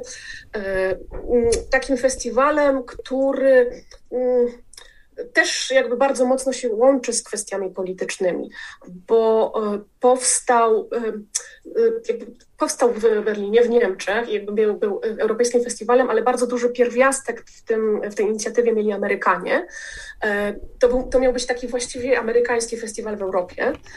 Nie na zasadzie takiej, że tylko amerykańskie kino miało być pokazywane, ale z jakby dużym, z, dużym, z dużą obecnością tego kina i z taką też próbą przywrócenia Berlinowi, e, nie wiem, czy to, czy, czy, czy, czy dobrze się wyraża, mówiąc dobrego imienia, takiego, znaczy jakby pokazania go też od, nie, nie, tylko od takiej strony wojennej e, i tych wszystkich e, okropności, okrucieństw, które się kojarzyły światu z Berlinem, z, z Niemcami, tylko jakby pokazania ludzi, którzy mieszkają zwykłych i też sztuki, która tam y, y, y, jest stworzona i sztuki, która mocno reaguje na to, co się w, historii Niemiec wydarzyło. I ten festiwal od samego początku był taki właśnie jakby politycznie rozgrzany, zaangażowany, no, ze względu na, na, na, fakt, że on jakby, jakby się rozgrał w sercu politycznych wydarzeń, no bo jakby też podzielony murem, więc ten, ten podział, za chwileczkę zimna wojna, bardzo mocno miała e, wpływ na to, jak, jak, jak, jak Berlin wyglądał. Tak nawet fizycznie to po prostu było widać, jak sobie wyobrażam w tym mieście, no bo oczywiście jakby wtedy nie byłam w Berlinie, ale tak myślę, że jak sobie nawet ogląda się niebo nad Berlinem e, e, Wendersa i jest tam ta scena na Poczdamskim Placu, to naprawdę jest szok, że on tak wyglądał, jeśli się go porówna z dzisiejszym E, z dzisiejszym placem, więc jakby, jakby to, to, to, ten festiwal i to miasto były bardzo ze sobą mocno zespolone. To taki jakby jeden organizm. E, absolutnie. Berlin, festiwal berliński znam powiedzmy stosunkowo dobrze, byłem tam kilka razy. Piszesz o najważniejszej z mojej perspektywy rzeczy, e, to znaczy jestem tu bardzo, że tak powiem, małoduszny, ale to, że festiwal się dzieje w zimnym miesiącu lutym i po prostu jednak to jest festiwal, na którym się marznie, w przeciwieństwie do cudownej aury kaneńskiej i domyślam się przyjaznej aury weneckiej. No niestety, po prostu w Berlinie jest koszmarnie zimno zazwyczaj. No i też aura tego miasta to jest szczególna, tak? Monumentalne, prawda? Czasami też troszeczkę odpychające. E, natomiast muszę przeczytać e, króciutki cytat z Twojej książki, bo świetnie opisuje to krytyk e, Michel Simain, francuski, którego Ty mm, przytaczasz właśnie o Berlinie, bo pozwala nam to zobaczyć, jaka jest no, no tą specyfikę, o której piszesz, tego podzielonego miasta. Pisał tak. Żywo pamiętam, jak opuszczało się elegancki i stateczny bulwar Kurfürstendamm nieopodal Zoopalast i przy, po przystanku na drinka w hotelu Kempinski zmierzało się w kierunku wschodniego Berlina, by w Staatsoper wysłuchać uprowadzenia z seraju Mozarta. Potem jadło się kolację w jakiejś rozpadającej się restauracji przy akompaniamencie muzyki Straussa i Lera, jaką można było usłyszeć tylko w krajach komunistycznych i która przywoływała scenę tańca w bulwarze zachodzącego słońca. Wildera, który przecież w Berlinie zaczynał. W, w końcu około północy Następował powrót przez checkpoint Charlie z jego wieżyczkami, psami obronnymi, karabinami maszynowymi, drutem kolczastym, symbolami totalitarnego reżimu, który gościł nas przez kilka godzin. Nie wyobrażam sobie bardziej agresywnego kontrastu niż metamorfoza wschodniego Berlina, a zwłaszcza placu Poczdamskiego, gdzie obecnie mieści się siedziba festiwalu, jaką miał przejść za 20 lat. Przemiana w futurystyczne metropolis z drapaczami chmur i neonami, przy których to Berlin Zachodni zdaje się być krajobrazem przyszłości. To chyba takie najlepsze podsumowanie, prawda, tego, co to znaczy w ogóle osadzić festiwal w Berlinie, gdzie rodził się faszyzm, gdzie rodził się też ekspresjonizm filmowy. To jest po prostu bardzo szczególne miejsce, prawda? Lubię bardzo też ten cytat, bo on jakby pokazuje coś, czego ja osobiście, chociaż też byłam parę razy w Berlinie, już nie mogłam dotknąć i czego bym pewnie nie dotknęła, jakbym w ogóle się mogła tam znaleźć jako, jako Polka, czyli jakby przedstawicielka tej mniej uprzywilejowanej części Europy, tego, że jakby dla gości z zachodniej części Europy, to była taka egzotyka, że oni sobie jakby e, przechodzili na tą stronę, e, na tą stronę wschodnią i oni tam za, za bezcen jedli w eleganckich restauracjach, e, przy, przyglądali się trochę tak jakby, jakby stawali się takimi turystami, już nie tylko kinomanami, ale też turystami, którzy oglądali ten dziwny świat, a potem wracali do swoich spokojnych domów na, na, na zachód, się nie musząc martwić jakieś polityczne ograniczenia. To, to, to, to też musiało być niesamowite. No i jak, Takie zderzenie dwóch światów. Dokładnie. I jak sobie wyobrazimy, no już tak y, y, ten Berlin właśnie, no, no, no przecież przez pół wieku to był po prostu styk z wschodu z zachodem, to było to elektrycznie naładowane miejsce jednak podziału na wschód i zachód, żelazna kurtyna, mur berliński, no festiwal w cieniu muru musiał mieć swoje, swój e, osobny smak. No i piszesz też o skandalach, prawda? Między innymi słynny skandal z mm, Łowcą Jeleni, prawda? Film oprotestowany przez właśnie wschodnią stronę mm, e, muru. Teraz, kiedy się jeździ, mnie się najbardziej festiwal kojarzy poza tym, że jest tam naprawdę zimno i, i poza tym, że to ma to zmienia cały charakter festiwalu, że to nie jest, prawda, takie letnikowanie, tylko wręcz przeciwnie. Raczej się ludzie grzeją z kawą w grubych kurtkach. Właśnie z tym, że to jest nadal festiwal, który jest absolutnie otwarty na najbardziej radykalne eksperymenty. W sensie, jak piszesz o tym, że zwycięża na przykład um, film rumuński um, Touch Me Not, to ja jestem przekonany, że on by się nawet nie dostał do konkursu kanańskiego, w sensie, że po prostu jest za odważny, że to jest coś za bardzo, może do Sertan Regard, czyli do tej towarzyszącej. A, a, a jak ty teraz patrzysz na festiwal, który także po pandemii, prawda, dopiero niedawno się e, podniósł?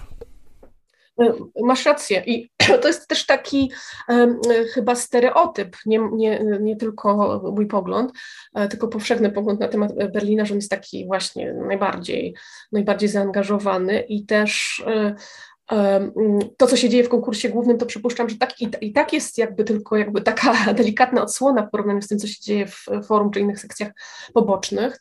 E, ja e, niestety nigdy nie miałam okazji e, i czasu, żeby sobie zwiedzać te sekcje poboczne, znaczy zwiedzać filmowo, to straszna bolączka ludzi, którzy jeżdżą na festiwale, żeby pisać o konkursie głównym i nie mogą sobie skakać po, po pobocznych sekcjach i sprawdzać, co tam się dzieje. Przypuszczam, że to, to, to jest jeszcze jakby inne, inny zupełnie odbiór festiwali, zwłaszcza Berlina, który pewnie jest najbardziej, najbardziej radykalny. Mm. No ale jak się właśnie popatrzy nawet na te werdykty, które, które wymieniałeś wcześniej, no to są rzeczy, które w Cannes czy nawet w Wenecji by przepadły. Nie, jakby, jakby ze względu na swoją skromność, albo w przypadku Touch Me Not ze względu na swoją kontrowersyjność. To by był film, który no jakoś mi w ogóle nie pasuje rzeczywiście do, do, do Palmy, czy do konkursu kanadyjskiego. Taki dzi, dziwaczny, nie, nie przystający, więc dobrze, że e, e, jakby jest taki festiwal, jeden z tych wielkich, na którym takie rzeczy mogą się dziać. Inna rzecz, że jakby można byłoby dyskutować właśnie nad znaczeniem e, e, e, Złotego Niedźwiedzia, prawda? Bo Palma, chociaż jakby znawcy tematu narzekają, że z, jakby z roku na rok znaczenie palmy, nawet palmy spada, mimo że nadal jest najważniejsza, to jednak te złote niedźwiedzie, nie wiem, czy się ze mną zgodzisz, ale one takie są bardzo filmoznawcze, prawda, że jakby maniacy kina, to oczywiście sobie obejrzą te filmy nagrodzone, ale czy ta, czy, czy ta nagroda, jest, nagroda jest w stanie zapewnić filmowi jakiś rozgłos, albo czy po prostu mhm. ustawiają się potem kolejki na te filmy, e, niedźwiedziowe, no nie, nie wydaje mi się. Więc jakby jest to taki rodzaj rozdarcia że jakby decyzje kanańskie, decyzje weneckie mogą czasami trochę oburzać albo smucić ze względu właśnie na zbyt komercyjny charakter, ale z drugiej strony przynajmniej jakby wieść się niesie. A tutaj czasami to, co dzieje się w Berlinie, trochę zostaje w Berlinie ze względu właśnie na swoją niszowość. Mhm. Po, powoli zmierzając do końca, e, ale też e, zwracając jeszcze uwagę na ważny motyw.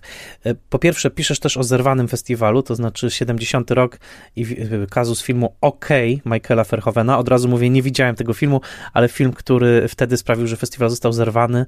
Festiwal, który nawiązywał do amerykańskich okrucieństw w Wietnamie. Piszesz też, że Berlin stosunkowo chyba najprzyjaźniejszy dla kobiecych dla kobiecych reżyserek, to znaczy mamy tutaj spore sukcesy i co bardzo ważne, kiedy już się otworzył jednak na tą wschodnią część, na wschodnią Europę, to od razu właściwie zatriumfowała Marta Mesarosz e, i zwyciężyła filmem Adopcja.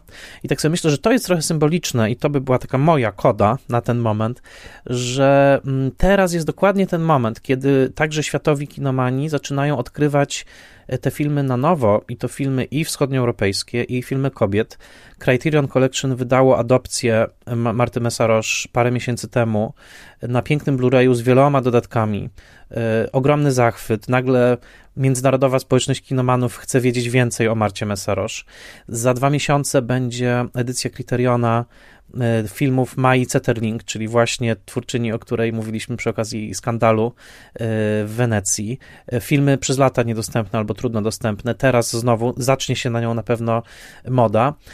I, i te werdykty, te historie tych werdyktów trochę mogą służyć jako taki przewodnik po historii kina, bo po prostu wtedy te filmy były dostrzeżone, prawda? Wtedy właśnie gremium wskazało to, że później troszkę one gdzieś tam wpadły, prawda, pomiędzy karty historii i troszkę o nich zapomniano, no my zawsze możemy wyciągnąć jednak listę tych laureatów, spojrzeć, o, co to za film, prawda? Zobaczmy, co wygrało w tym 66 roku. I to moim zdaniem jest bardzo ważna funkcja festiwali, że dla przyszłych pokoleń kinomanów brzmi to strasznie, strasznie patetycznie, ale jednak nam to pomaga, prawda? Zerkamy i myślimy, hmm, co tam się działo, prawda, w tym 55, e, albo co to się sprawiło, że ten skandal, prawda, w 60, w 68, więc chciałem cię zapytać, czy ty też na to, na, na to w ten sposób e, patrzysz i, i, czy widzisz tą też mocną zmianę genderową, bo pamiętamy protesty, o których też piszesz w Cannes odnośnie właśnie tej nierówności płciowej. Czy widzisz faktycznie, że w tej trzeciej dekadzie XXI wieku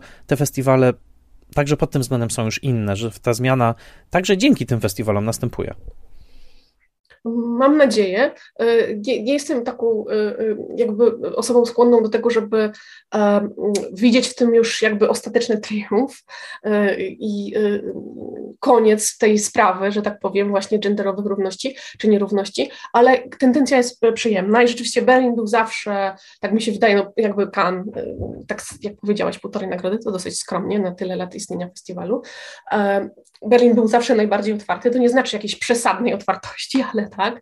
E, teraz Wenecja nadrabia trzy ostatnie lata, to, to nagrody dla e, reżyserek kobiet. Więc przyjemny trend. Mam nadzieję, że, się, że, że jakby nie tylko trend, tylko rzeczywiście trwała zmiana. Ale ciekawe to jest to, o czym mówisz, o tym jakby przewodniku, o tych nagrodach i poszczególnych tytułach nagradzanych w kolejnych latach jako takim rodzaju przewodnika dla kinomana, który chce sobie jakby stworzyć swój kanon i zapoznać się z historią kina. No, jakby dzisiaj można sobie te kanony tworzyć na najróżniejsze sposoby, bo dostęp jest prawie do wszystkiego. No, słusznie mówisz, nie do wszystkiego, niektóre rzeczy są trudne do zdobycia, ale wiele jest na wyciągnięcie ręki, bez e, wielkiego wysiłku. E, ja pamiętam jeszcze z czasów mojej młodości, to brzmi, brzmi teraz jak jakaś stara bardzo już osoba, no ale nie będzie, kiedy jeszcze internet był w powijakach i kiedy, się, kiedy dla mnie na przykład takim e, punktem wyjścia były te poszczególne tomy kina wehikułu magicznego, kiedy się jakby odhaczało. E, nie wiem, czy twoi słuchacze wiedzą, e, ale może im opowiadać. Zawsze w moim biurku stoją te książki. No właśnie. I się wtedy po prostu szło tymi kolejnymi latami i się e, w miarę możliwości jakoś te filmy oglądało, w miarę możliwości, bo to nie było takie proste. I mm, jakby rzeczywiście te, te, te, te filmowe nagrody też mogą być takim rodzajem przewodnika bardzo przyjemnego i super jest to, o czym mówisz. Nie wiedziałam. Criterion Collection to jest zresztą taki kolejny, kolejna instytucja wyciągająca z niebytu pewne zjawiska bardzo ciekawe, ciekawe. I rzeczywiście przewodnikiem dla nich też mogą być mogą być festiwale. I super, że Berlin, no bo właśnie on jest taki trochę, trochę z boku i e, pokazujący też może właśnie nie, coś więcej poza francuską, niemiecką, amerykańską kinematografią. E, dodam jeszcze tytułem przepisu, że także Criterion jakiś czas temu, chyba dwa lata temu, wydał e, w niebo wstąpienie Larisy Szepitko, które także wygrało właśnie Berlin, więc no i też w niebo wstąpienie zrobił ogromną karierę w ostatnich dwóch latach, bo nagle się ludzie dowiedzieli, że właśnie była Larisa Szepitko, że warto to oglądać i tak dalej. Także no znowu tutaj punkt dla Berlina i punkt dla Criteriona, że po latach wydaje. Ewo, na sam koniec bardzo, bardzo Ci bardzo dziękuję za tą książkę. Oczywiście polecam serdecznie słuchać słuchaczkom i słuchaczom. Ewa Szponar, Fabryka Splendoru, Światowe Festiwale Filmowe, ale mam do Ciebie takie pytanie, także jako ktoś, kto, nie ukrywam, trochę jest zmęczony festiwalami, w sensie wiadomo, każdy ma ten moment, kiedy po prostu chcemy jak najbardziej się najeść tego, tak? Po prostu byśmy pojechali na koniec świata za 5 złotych po prostu, żeby tylko tam pojechać, ale potem przychodzi jednak ten moment, że troszkę, no nie wiem, może się, powie, powiem to mocno, starzejemy się troszeczkę, tak? I już ten głód nie jest aż tak wielki, ale ja zapytam tak, gdybyś miała trzy festiwale, i nie mówimy teraz o krajowych, bo, bo to tylko o zagranicznych, takie trzy najprzyjemniejsze festiwale, które gdyby ktoś ci dał taki budżet, że możesz po prostu tam sobie jeździć i dla przyjemności pisać o filmach, to na, kiedy nigdy byś nie odmówiła, o tak, trzy festiwale, na które nigdy nie powiedziałabyś nie, nie pojadę.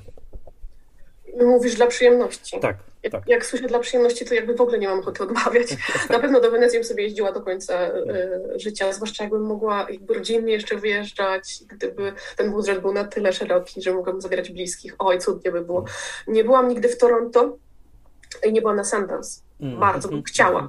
I na razie może nie w tym momencie, ale jeszcze może przyjdzie taki moment, że za 5 zł nawet bym, mm. do pracy ciężkiej. To jesteśmy tutaj, to jesteśmy tutaj w takim razie sym, symetryczni, bo ja nie byłem nigdy na festiwalu w Wenecji, ty nigdy nie byłaś w Toronto, więc ja polecam szczerze Toronto. Mam nadzieję, że pojadę do Wenecji. Ja dodam, że w moim przypadku dwa moje ulubione festiwale, takie po prostu ze względu na nazwijmy to wszystko, filmy, vibe, dobrą atmosferę i naprawdę cudowne poczucie, że coś odkrywam, to jest właśnie mm, Toronto. I to jest San Sebastian, które muszę powiedzieć, byłem tylko raz, ale najpiękniej, najpiękniej osadzony festiwal, po prostu no nieprawdopodobnie pięknie w tej zatoczce umiejscowiony.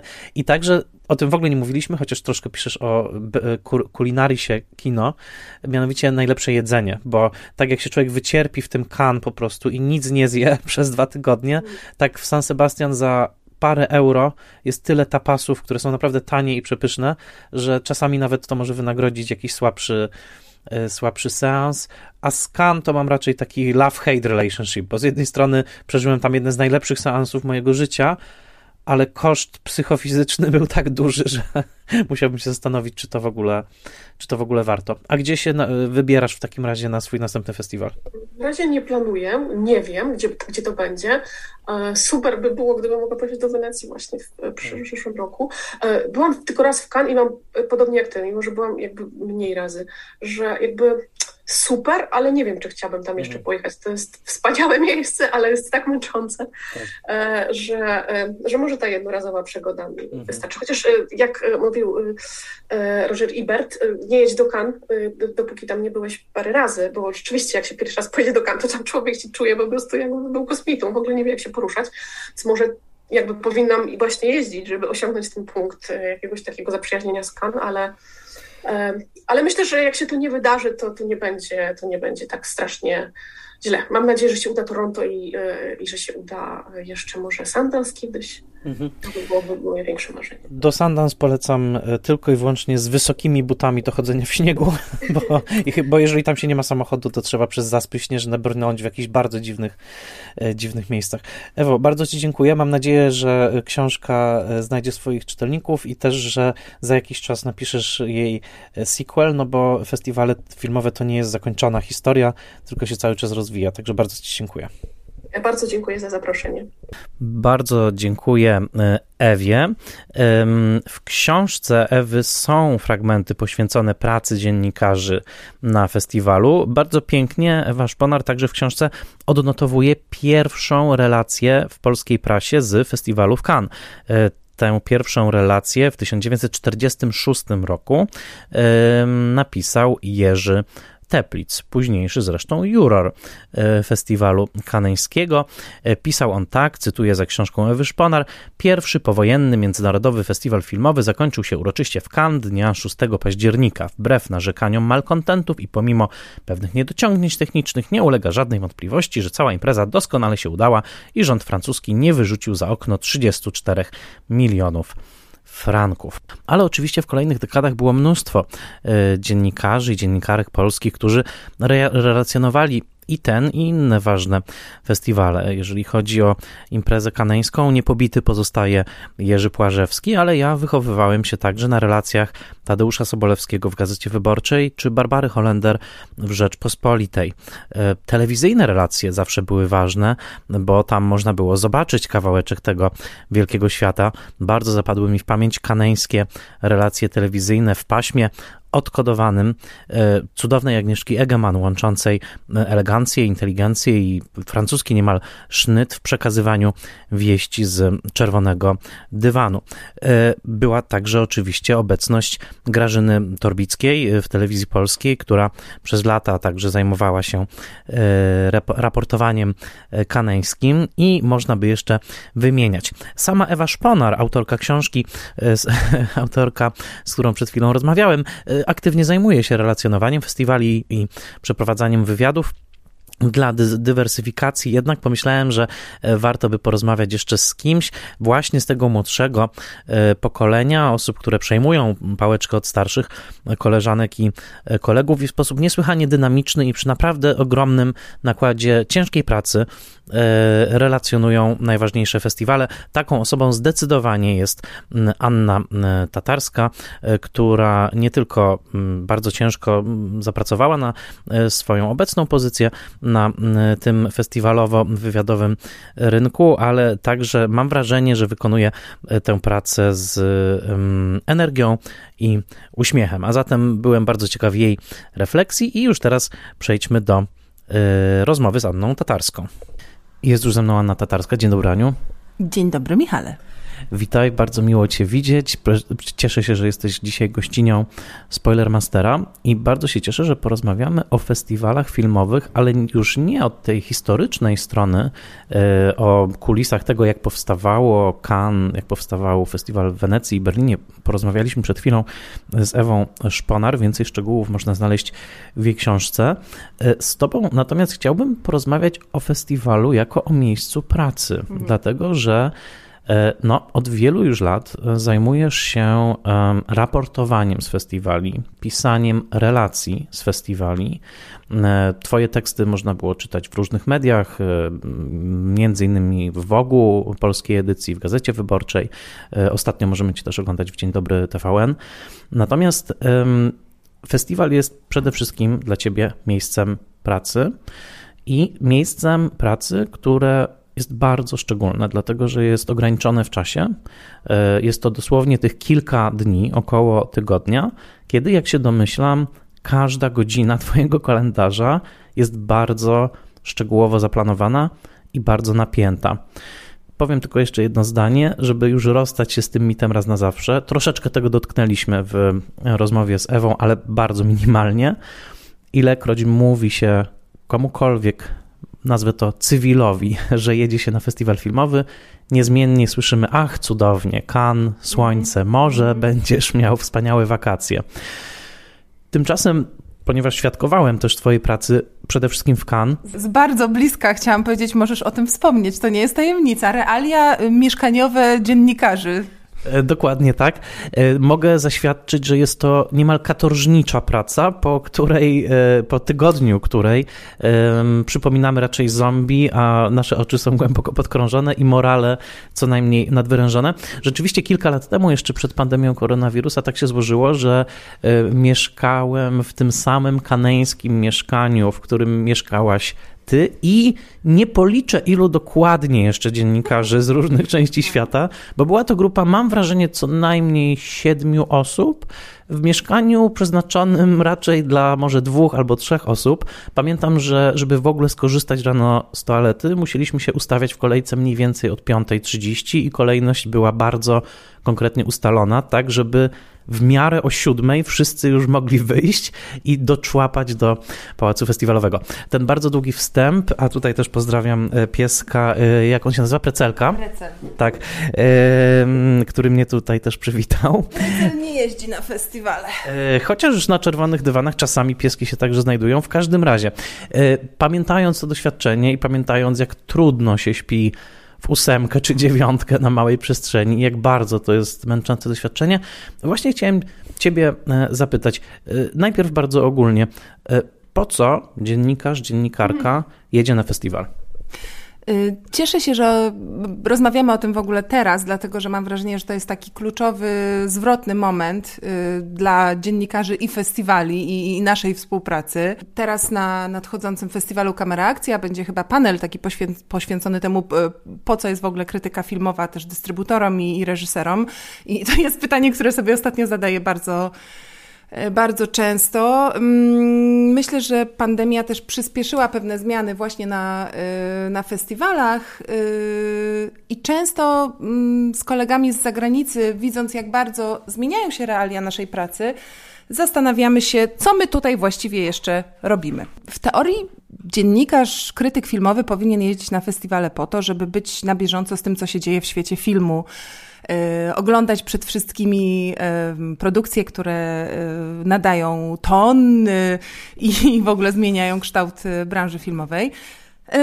W praktyce jest nieco inaczej, to znaczy mm, tutaj musiałabym wchodzić w takie niuanse branży, nie wiem, czy, czy chcesz, żebym to robiła, ale w dużym skrócie dziennikarze, którzy mają etat i mogą pisać o czym chcą, ale i tak są zadbani, zaopiekowani i mają za co płacić rachunki, jest w tym momencie niewielu. Większość z nas y, pracuje, no to jest to brzydkie określenie freelancer, freelancer, freelancerka, czyli jesteśmy wolnymi strzelcami, czy też strzelczyniami, nigdy nie wiem jak to jak to prawidłowo odmienić. Co znaczy, że od tego, co zrobimy, co robimy na co dzień, co robimy na festiwalu, bezpośrednio no, zależy kształt naszej pracy.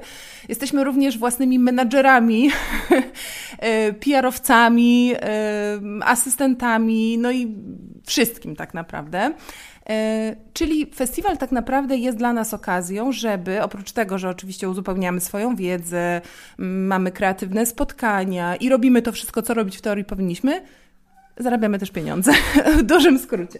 E, w związku z tym no, jest to czas ogromnie wytężonej e, pracy, umawiania tylu wywiadów, ile się da, pisania ile tylko się da tekstów, na ile tylko po prostu, mm, że tak powiem, fabryka pozwala. E, podam Ci przykład. Ja teraz na festiwalu w Wenecji robiłam codzienne relacje do Gazety Wyborczej, mm, plus oczywiście wstęp i podsumowanie. Dodam, że ten, to podsumowanie zawsze musi być już, już, więc to jest typowo newsowy materiał. On jest wpisany wręcz równo w trakcie um, gali. E, oprócz tego napisałam trzy teksty po angielsku dla Variety, dwa teksty do Voga, zrobiłam dwie audycje do radia i codzienne wejścia do radia. I, I, I love my job. I love my job i jeszcze 14 wywiadów na zaś, więc y, no tak to wygląda. Mhm. Y, nie chcę przechodzić z Tobą przez cały słowniczek, bo y, jest pewien taki żargon też dziennikarzy festiwalowych, ale powiedzmy, czym jest junket? Junket to jest y, słowo określające spotkanie wywiadowe, czy też wydarzenie wywiadowe, tak bym to określiła.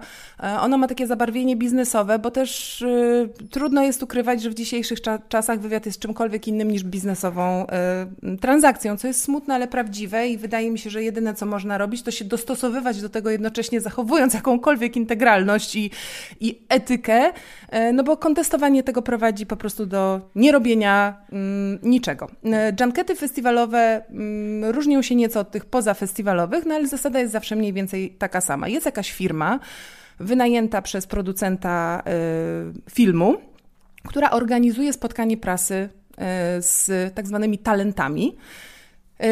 I organizuje to, kto o której godzinie, w jakiej konfiguracji, z kim będzie rozmawiał. Y, dodam, że w dzisiejszych czasach problem prasy y, jest taki, że bardzo wiele ekip, które na festiwale akurat przyjeżdżają, y, ma wpisane red carpet activity only, co znaczy, że tych junketów de facto w ogóle nie ma. To znaczy prasa już nie rozmawia, bo ich to nie interesuje.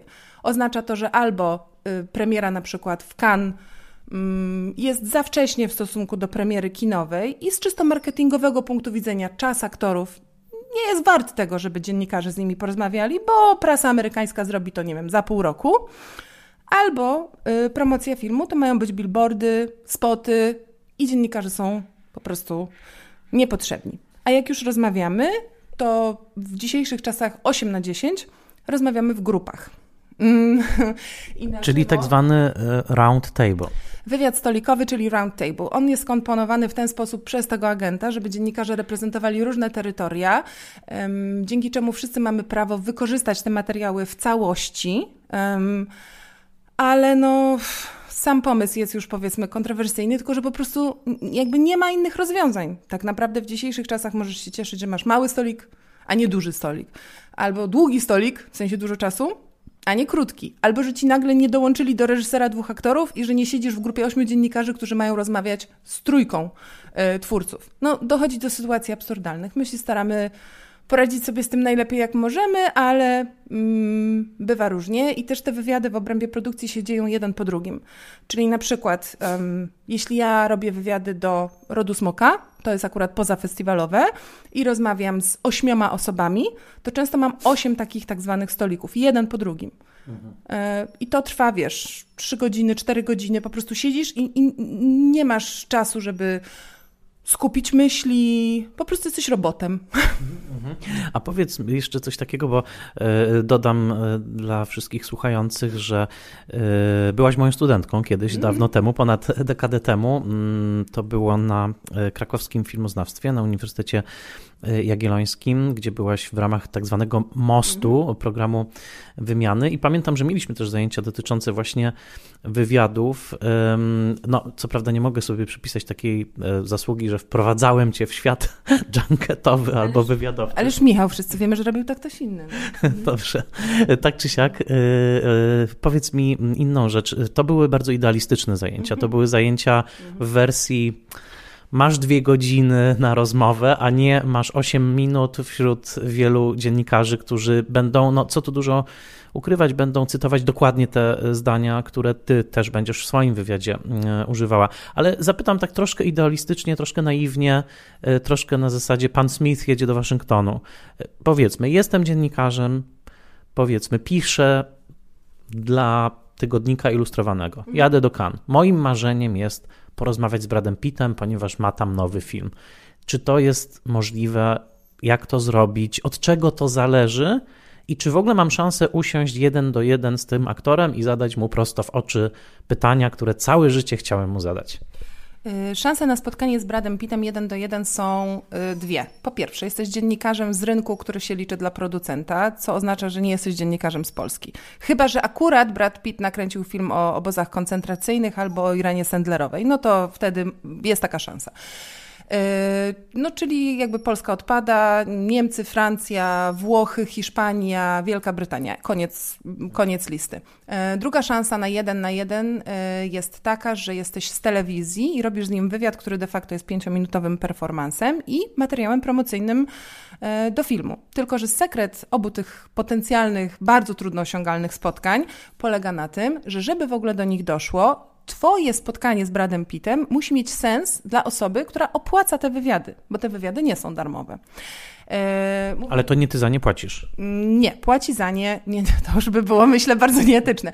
Ale y, za wywiady płaci y, zwykle dystrybutor, to znaczy, jeśli Filmix jest pokazywany na festiwalu w Cannes, y, jest wyprodukowany przez wytwórnię Y, ta wytwórnia Y w Polsce jest dystrybuowana przez dystrybutora Z, ten dystrybutor mówi sobie tak: O, tutaj mamy informacje, są wywiady z Bradem Pittem, mogę za to zapłacić. Czasami oni nie płacą, bo to jest w obrębie tej samej firmy, ale zwykle płacą i to są duże kwoty kilka tysięcy euro. Yy, mogę za to zapłacić i ten materiał potem będzie mi pomagał w, w promocji tytułu. Yy, no i tu się zaczynają schody. Który tytuł według osoby odpowiadającej za PR w firmie jest yy, najlepszy dla promocji tytułu? I to może być bardzo duża rozpiętość. To może być tytuł magazynu, y, to może być tytuł gazety codziennej, to może być portal, to może być wywiad wideo. Więc jeśli jesteś w którejś z tych redakcji lub współpracujesz z którąś z tych redakcji, jesteś na festiwalu, twoje szanse na spotkanie z Bradem Pittem jeszcze nie zniknęły, ale jak widzisz, są one niewielkie. No i jeśli jakimś cudem tak się złoży, że jesteś akurat, tak jak ja byłam na przykład w Wenecji trzy lata temu, akredytowany między innymi z Onetu, dystrybutor filmu Adastra Jamesa Greya uzna, że e, chce mieć. Nie, przepraszam, to Ewa Szponar była. Widzisz, tak już się. Ewa robiła wywiad z Bradem Pittem dla Onetu, ja robiłam dla Gazety Wyborczej. E, jeśli on uzna, że chce ten wywiad mieć w tym tytule, to tak zrobi, że ty będziesz na tym spotkaniu z Bradem Pittem, ale oczywiście to nie jest tak, że siedzicie sobie sami i pijecie kawkę i rozmawiacie o swoich doświadczeniach, tylko jest to regulowany odgórnie właśnie wywiad stolikowy z podaną konkretną godziną i czasem trwania. Mhm. A w takim razie powiedz mi, bo mm, częścią tego coraz bardziej, jak opowiadasz, no, trudnego układu jest to, że właściwie cała odpowiedzialność za taką logistykę spada na ciebie. Znaczy, ty musisz e, dotrzeć na miejsce odpowiednie, prawda? Ty musisz być przygotowana, ty musisz mieć e, dyktafon, prawda? To wszystko jakby od ciebie zależy. I powiedz mi tak, no, e, nie chcę, żebyś opisywała cały kanański dzień. Przede wszystkim wiem, że bardzo trudno w nim o posiłek, ale jakby dotarcie do wywiadu, gdzie te wywiady się odbywają? Czy jest jakaś specjalnie przygotowana, elegancka przestrzeń w pałacu festiwalowym, czy gdzie po prostu trzeba się udać na taki e, wywiad? Tym bardziej, że za godzinę i 20 minut masz już kolejny film, na który musisz zdążyć, ponieważ musisz o nim napisać, a twój redaktor z Polski pisze, gdzie jest tekst o filmie X, bo już bardzo na niego czekam. To gdzie się spotykasz w takim razie, żeby tam w ogóle dojść, wrócić i tak dalej? Dodajmy jeszcze, że redaktor z Polski pisze, gdzie jest wywiad, bo Variety już napisało i on nie rozumie, jak ty mu mówisz, że Variety dostało specjalny dostęp do screenera przed festiwalem i mogli sobie spokojnie ten tekst napisać, a ty jesteś z Polski, więc musiałeś drałować na pokaz o 8.30 rano, a zaraz po nim miałeś pięć wywiadów, więc naprawdę jeszcze nie było kiedy napisać tego tekstu, ale to mm, taka drobna dygresja. Y, na większości festiwalów, festiwali, przepraszam, wygląda to tak samo, to znaczy jest zwykle przestrzeń w takim głównym festiwalowym miejscu. W Cannes jest to pałac festiwalowy, tam jest taki mm, taras na górze i taka przestrzeń też zamknięta wewnątrz, w której te wywiady się mogą y, odbywać. To się nazywa Salon Ambasadorów i tam mm, taras artystów chyba, czy, czy, czy coś takiego. Natomiast y, w Wenecji zdarzyło mi się też robić wywiady w przestrzeni nad Sala Grande, czyli tam, gdzie się odbywają galowe y, premiery i wydaje mi się, że w pałacu, mm, to się nazywa Palazzo del Casino, też są wywiady, natomiast w większości te wywiady się odbywają w hotelach. Y, to jest znowu ten aspekt biznesowy. W Cannes mamy takie bardzo znane hotele, na przykład y, Carlton. Wydaje mi się, że jest jeszcze Miramar, chyba to też jest chyba hotel, ale ja oczywiście zawsze mylę, jest Majestic. I tam po prostu te agencje, które obsługują dane tytuły, wynajmują sobie pokoje. Zwykle tych pokoi jest wiele, bo to są też ich biura całe takie apartamenty. No i tam po prostu codziennie zapraszają in, innych gości, z którymi się spotykają e, inni e, dziennikarze. Więc e, zdarza ci się, że musisz biec, wiesz, z Carltona do Majestika, zaraz do pałacu festiwalowego albo z jednego piętra na drugie i słowo biec to nie jest eufemizm. Bieganie na festiwalu y, jest taką jakby składową dnia codziennego i dlatego trudno o glamour, jak w 30 stopniach właśnie biegłeś z wywiadu na wywiad i po prostu wchodzisz na niego i wyglądasz jakbyś wyszedł z basenu. Mhm. E, pamiętam, e, ja nie mam, ja, ja miałem dosłownie odpryski doświadczeń z, z wywiadami kanańskimi i pamiętam, to chyba było takie doświadczenie z wielu powodów bardzo przynależne jeszcze do ery że tak powiem, przed mitu, mm. dlatego że po pierwsze był to wywiad z Jamesem Tobakiem, który myślę, że dzisiaj już by się na festiwalu nie pojawił, bo wokół niego jakby mnóstwo e, oskarżeń zawisło, ale to było jeszcze przed tym. W każdym razie z drugiego powodu było też przez, przed mitu. Pamiętam mianowicie, że ten wywiad się odbywał w jego apartamencie, chyba właśnie w tym Majesticu, czy tam w Carltonie, ale pamiętam bardzo dobrze, że jego agent wprowadzając mnie tam, jakby wyraźnie dał do zrozumienia, że chce zobaczyć tak, ten tekst, zanim ja go opublikuję. A to też było na amerykańską stronę, tak? Więc jakby on wiedział, że to pójdzie, powiedzmy, może gdyby to było tylko po polsku, to by się po prostu tym nie mhm. przejmował. Ale znaczy, powiem tak, no pamiętam, że wchodziłem do pokoju, który był takim apartamentu, przepraszam, suite, który był naprawdę pobojowiskiem, tak? Znaczy tam było widać, że tam się odbyła jakaś ciężka impreza mhm. y, poprzedniej nocy. Y, Tobak przyjął mnie w szlafroku, tak? Jakby dosłownie no czułem się może jak w latach 70., tak? Że tutaj, nie wiem, jest, jest jakiś, jest no sex, drugs, y, drugs and rock and roll. Mam wrażenie, że coś takiego chyba by się już dzisiaj nie zdarzyło, prawda? Y, coś takiego dzisiaj by się zdecydowanie nie zdarzyło. Y, ja tutaj zacznę akurat od osobistej dygresji, bo y, ja akurat z Jamesem Tobakiem miałam moje, miałam moje jedyne takie około molestacyjne w ogóle doświadczenie mm, na festiwalu. Absolutnie nie należę do, do tych osób, które chwalą się tym, że ktoś je podrywał, bo też nie na wyglądzie buduje, mam nadzieję, swój zawodowy kapitał. Ale rzeczywiście miałam w tym samym roku, to był Carlton, e, taką sytuację, że po wywiadzie e, podszedł do mnie, poprosił do numer telefonu. Ja byłam naiwna wtedy, to był jeszcze powiedzmy względnie początek mojej pracy, bo to był chyba 2013 i, i, i no, zgodziłam się na to, co się skończyło próbami e, po prostu kontaktu przez kolejne miesiące w ogóle, przyjeźdź do Nowego Jorku, nakręcimy film, to jest to samo wszystko, co potem czytałeś w gazetach, bo były dziewczyny, które się na to mm, nabrały. To była zresztą jedna z takich historii najwcześniej opisanych, bo to jeszcze było właściwie przed sprawą Einsteina, to było przed MeToo. Jakby by, był rzeczywiście taki artykuł, w którym dokładnie opisano ten e, pattern działań, e, e, działań Tobaka. Zresztą pamiętam, bo wtedy rozmawialiśmy o tym na bieżąco, bo, bo jakoś chyba dzień po, po tym moim wywiadzie byłaś. Mm. Ale, ale, ale tak, to już by dzisiaj, nie tylko to, ale w ogóle sytuacja przyjmowania w apartamencie, prawda, w szlafroku, to już by się nie wydarzyło. No, bardzo dużo się zmieniło na, na lepsze i na gorsze. To znaczy, na pewno festiwale, niektóre z opóźnieniem, yy, i myślę też, że nie oszukujmy się, niektóre ze względów czysto wizerunkowych i marketingowych, jakby doszusowały i zdały sobie sprawę, że po prostu już nie można robić niektórych rzeczy i przymykać na niektóre rzeczy oka, bo wcześniej różne rodzaje dyskryminacji były na porządku dziennym, szczególnie taki, powiedziałabym, klasizm zakulisowy festiwali, o tym się mało mówi, czyli zarówno segregowanie dziennikarzy przez, nie wiem, kraj pochodzenia, no ale też jakby różne, różne zagrywki biur prasowych w stosunku do nas, czasami bardzo, bardzo ten. I też dyskryminacja innego rodzaju, bo ja tutaj dodam tylko jeszcze, zanim odpowiem na Twoje pytanie po godzinie, że ja na przykład miałam bardzo duże problemy na festiwalu w Cannes, to było też jeszcze przed tą transformacją, jako matka, która przyjechała z małym dzieckiem.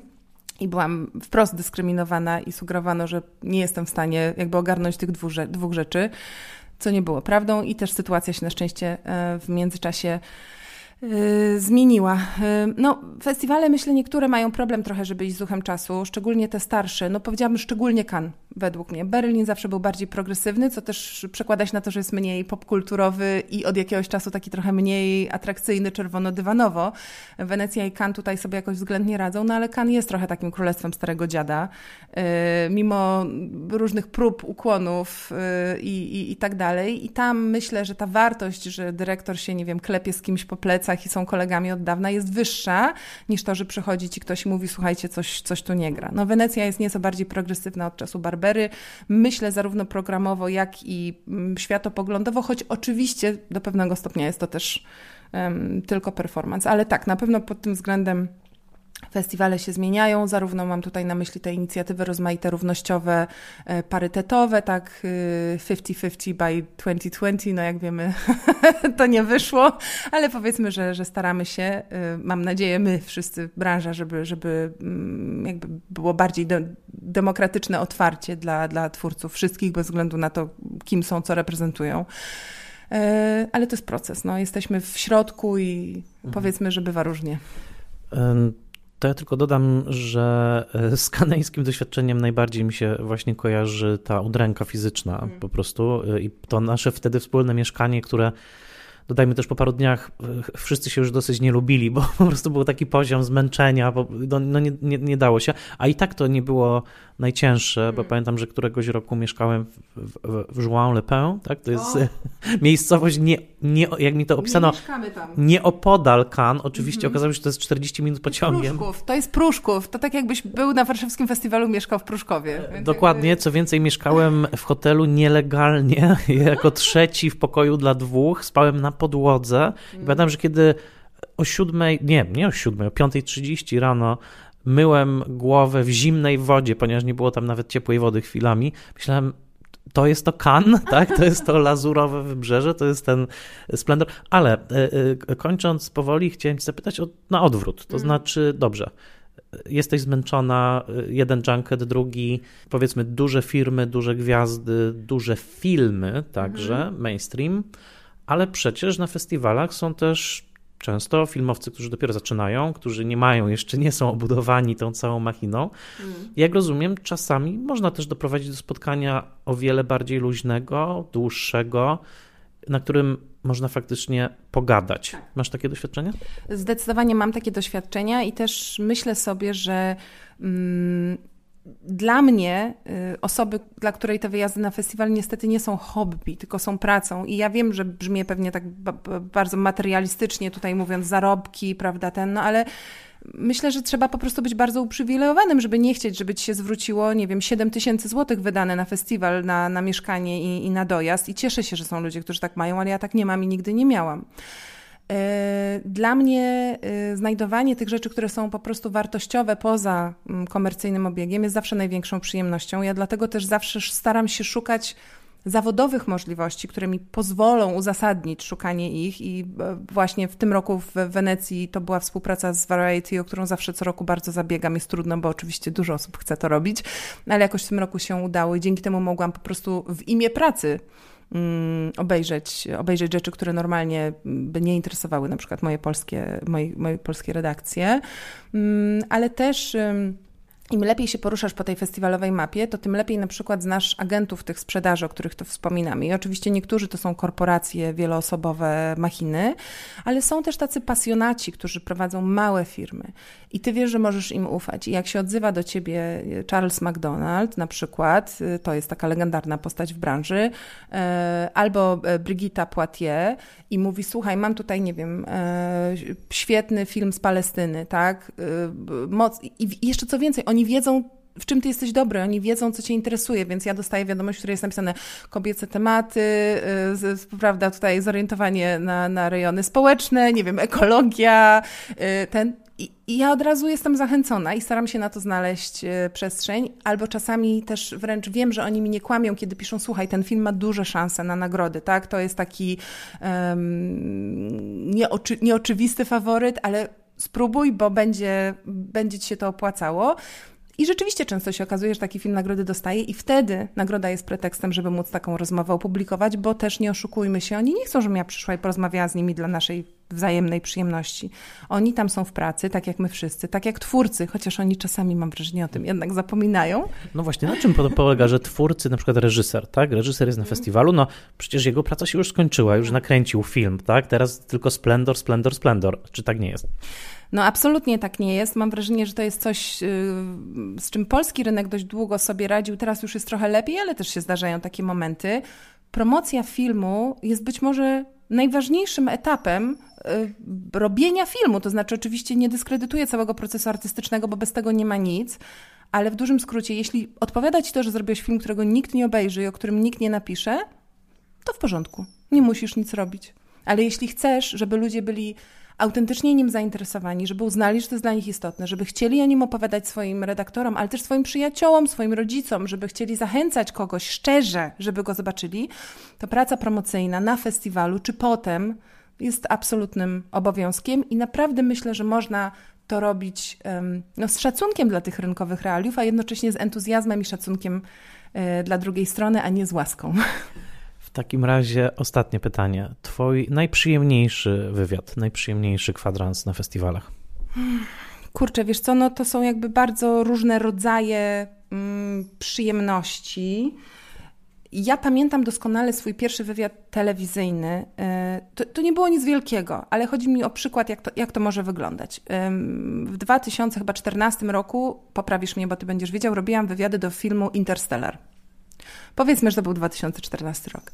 Ja wtedy robiłam wyłącznie wywiady drukowane, akurat miałam możliwość zrobienia y, wideo. Byłam bardzo tym przejęta, nie tylko jako dziennikarka, ale też jako młoda kobieta, która jak większość kobiet ma gigantyczne kompleksy na punkcie własnego wyglądu, jest karmiona idealnymi paniami z telewizji i wie, że na pewno nie wygląda tak, jak powinna, ale nie chciałam tej okazji z powodu tych własnych kompleksów stracić.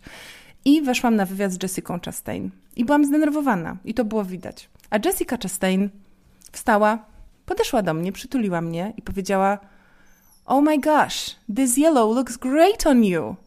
Everything's gonna be fine. Don't worry. I to jest wspaniałe wspomnienie i zdarzają się takie spotkania z ludźmi, którzy mają niesamowicie mocną pozycję i strasznie dużo pieniędzy i naprawdę mogliby w ogóle się nie interesować tym, jak my się czujemy, a jednak z jakiegoś powodu, i może też dlatego są tak daleko, są bardzo empatyczni, bardzo normalni, mają świetnie rozwinięte umiejętności takie jakby relacji e, społecznych i wychodzisz potem z wywiadu z Martinem Scorsese albo z Meryl Streep i myślisz sobie, wow, ale to jest super, że oni są tacy normalni. E, w takim razie tego się trzymajmy. E, bardzo Ci dziękuję, że pokazałaś nam po prostu swój warsztat pracy. E, wywiady, które przeprowadza Anna Tatarska, możecie znaleźć w wielu miejscach. E, szczególnie w tym momencie kieruję Was do polskiego wydania Woga, do Gazety Wyborczej, a także do Dzień Dobry TVN. Bardzo serdecznie Ci dziękuję. No to w takim razie na jaki festiwal jedziesz następnym razem? Mm, teraz wybieram się na festiwal w Curychu i dodam, to, bo to też jest element kulisów y, pracy, że jadę na niego dlatego, że jestem na niego zaproszona. O. Oni mi płacą za bilet i za hotel, bo inaczej kawa w Curychu kosztuje 50 zł, więc podejrzewam, nie byłoby na, mnie na to stać, ale dzięki temu będę mogła tam oglądać y, y, bardzo ciekawy program, który łączy no, taką mocną komercję, ale z naprawdę ciekawymi dokumentalnymi i różnymi mniejszymi autorskimi produkcjami, więc bardzo się z tego cieszę. Bardzo raz jeszcze Ci dziękuję i tak jak wspomniałem, odsyłam wszystkich słuchających Spoilermastera do wywiadów Anny Tatarskiej. Bardzo dziękuję e, Annie Tatarskiej e, i Ewie Szponar, z którą porozmawiałem wcześniej. E, mam nadzieję, że te dwie rozmowy przybliżyły Wam świat festiwalowy. Mm, to jest. Festiwale są szczególną instytucją. Często można je lubić i nie znosić ich dosłownie w tym samym momencie, ale nie ukrywa, ale nie ulega wątpliwości, że festiwale pełnią także rolę dziejopisów i że historia kina jest pisana jednak tymi festiwalowymi triumfami, porażkami, e, skandalami e, pośród tych tysięcy, tysięcy filmów, które produkowane są na całym świecie, no właśnie te, które prezentowane są na najważniejszych imprezach, e, przez chwilę są w świetle Jupiterów, my możemy się im przyjrzeć, możemy stać się świadomi w ogóle ich istnienia, po czym możemy zacząć świadomie także ich poszukiwać, czekać na ich seans, a później oczywiście recenzować, dyskutować o nich, przeżywać je przede wszystkim. A zatem są e, rodzajem wystawy światowej, e, która do dzisiaj e, spełnia swoją tą podstawową funkcję, to znaczy informowania, poszerzania naszych horyzontów i donoszenia o tym, co w świecie tej niezwykłej sztuki, jaką jest kino, się dzieje. Bardzo Wam dziękuję. E, dziękuję moim patronkom i patronom, dzięki którym wysłuchaliście tego odcinka w wolnym dostępie. E, serdecznie zachęcam do wsparcia mojej pracy. Każdy odcinek to bardzo dużo godzin przygotowań, montażu, e, prac technicznych. Bardzo serdecznie będę Wam wdzięczny, jeżeli zdecydujecie się dorzucić nawet najmniejszą kwotę na patronite.pl łamane przez Spoilermaster, a jeżeli nie chcecie lub nie możecie tego zrobić, będę ogromnie wdzięczny za podzielenie się moim podcastem z kimś, kto jeszcze go nie zna. Cały cały czas cieszę się z nowych słuchaczek i nowych słuchaczy. Serdecznie Wam dziękuję. Dziękuję także Ewie Szponar, dziękuję Annie Tatarskiej i serdecznie zapraszam Was do Spoilermastera, bo kolejny Spoilermaster już za tydzień.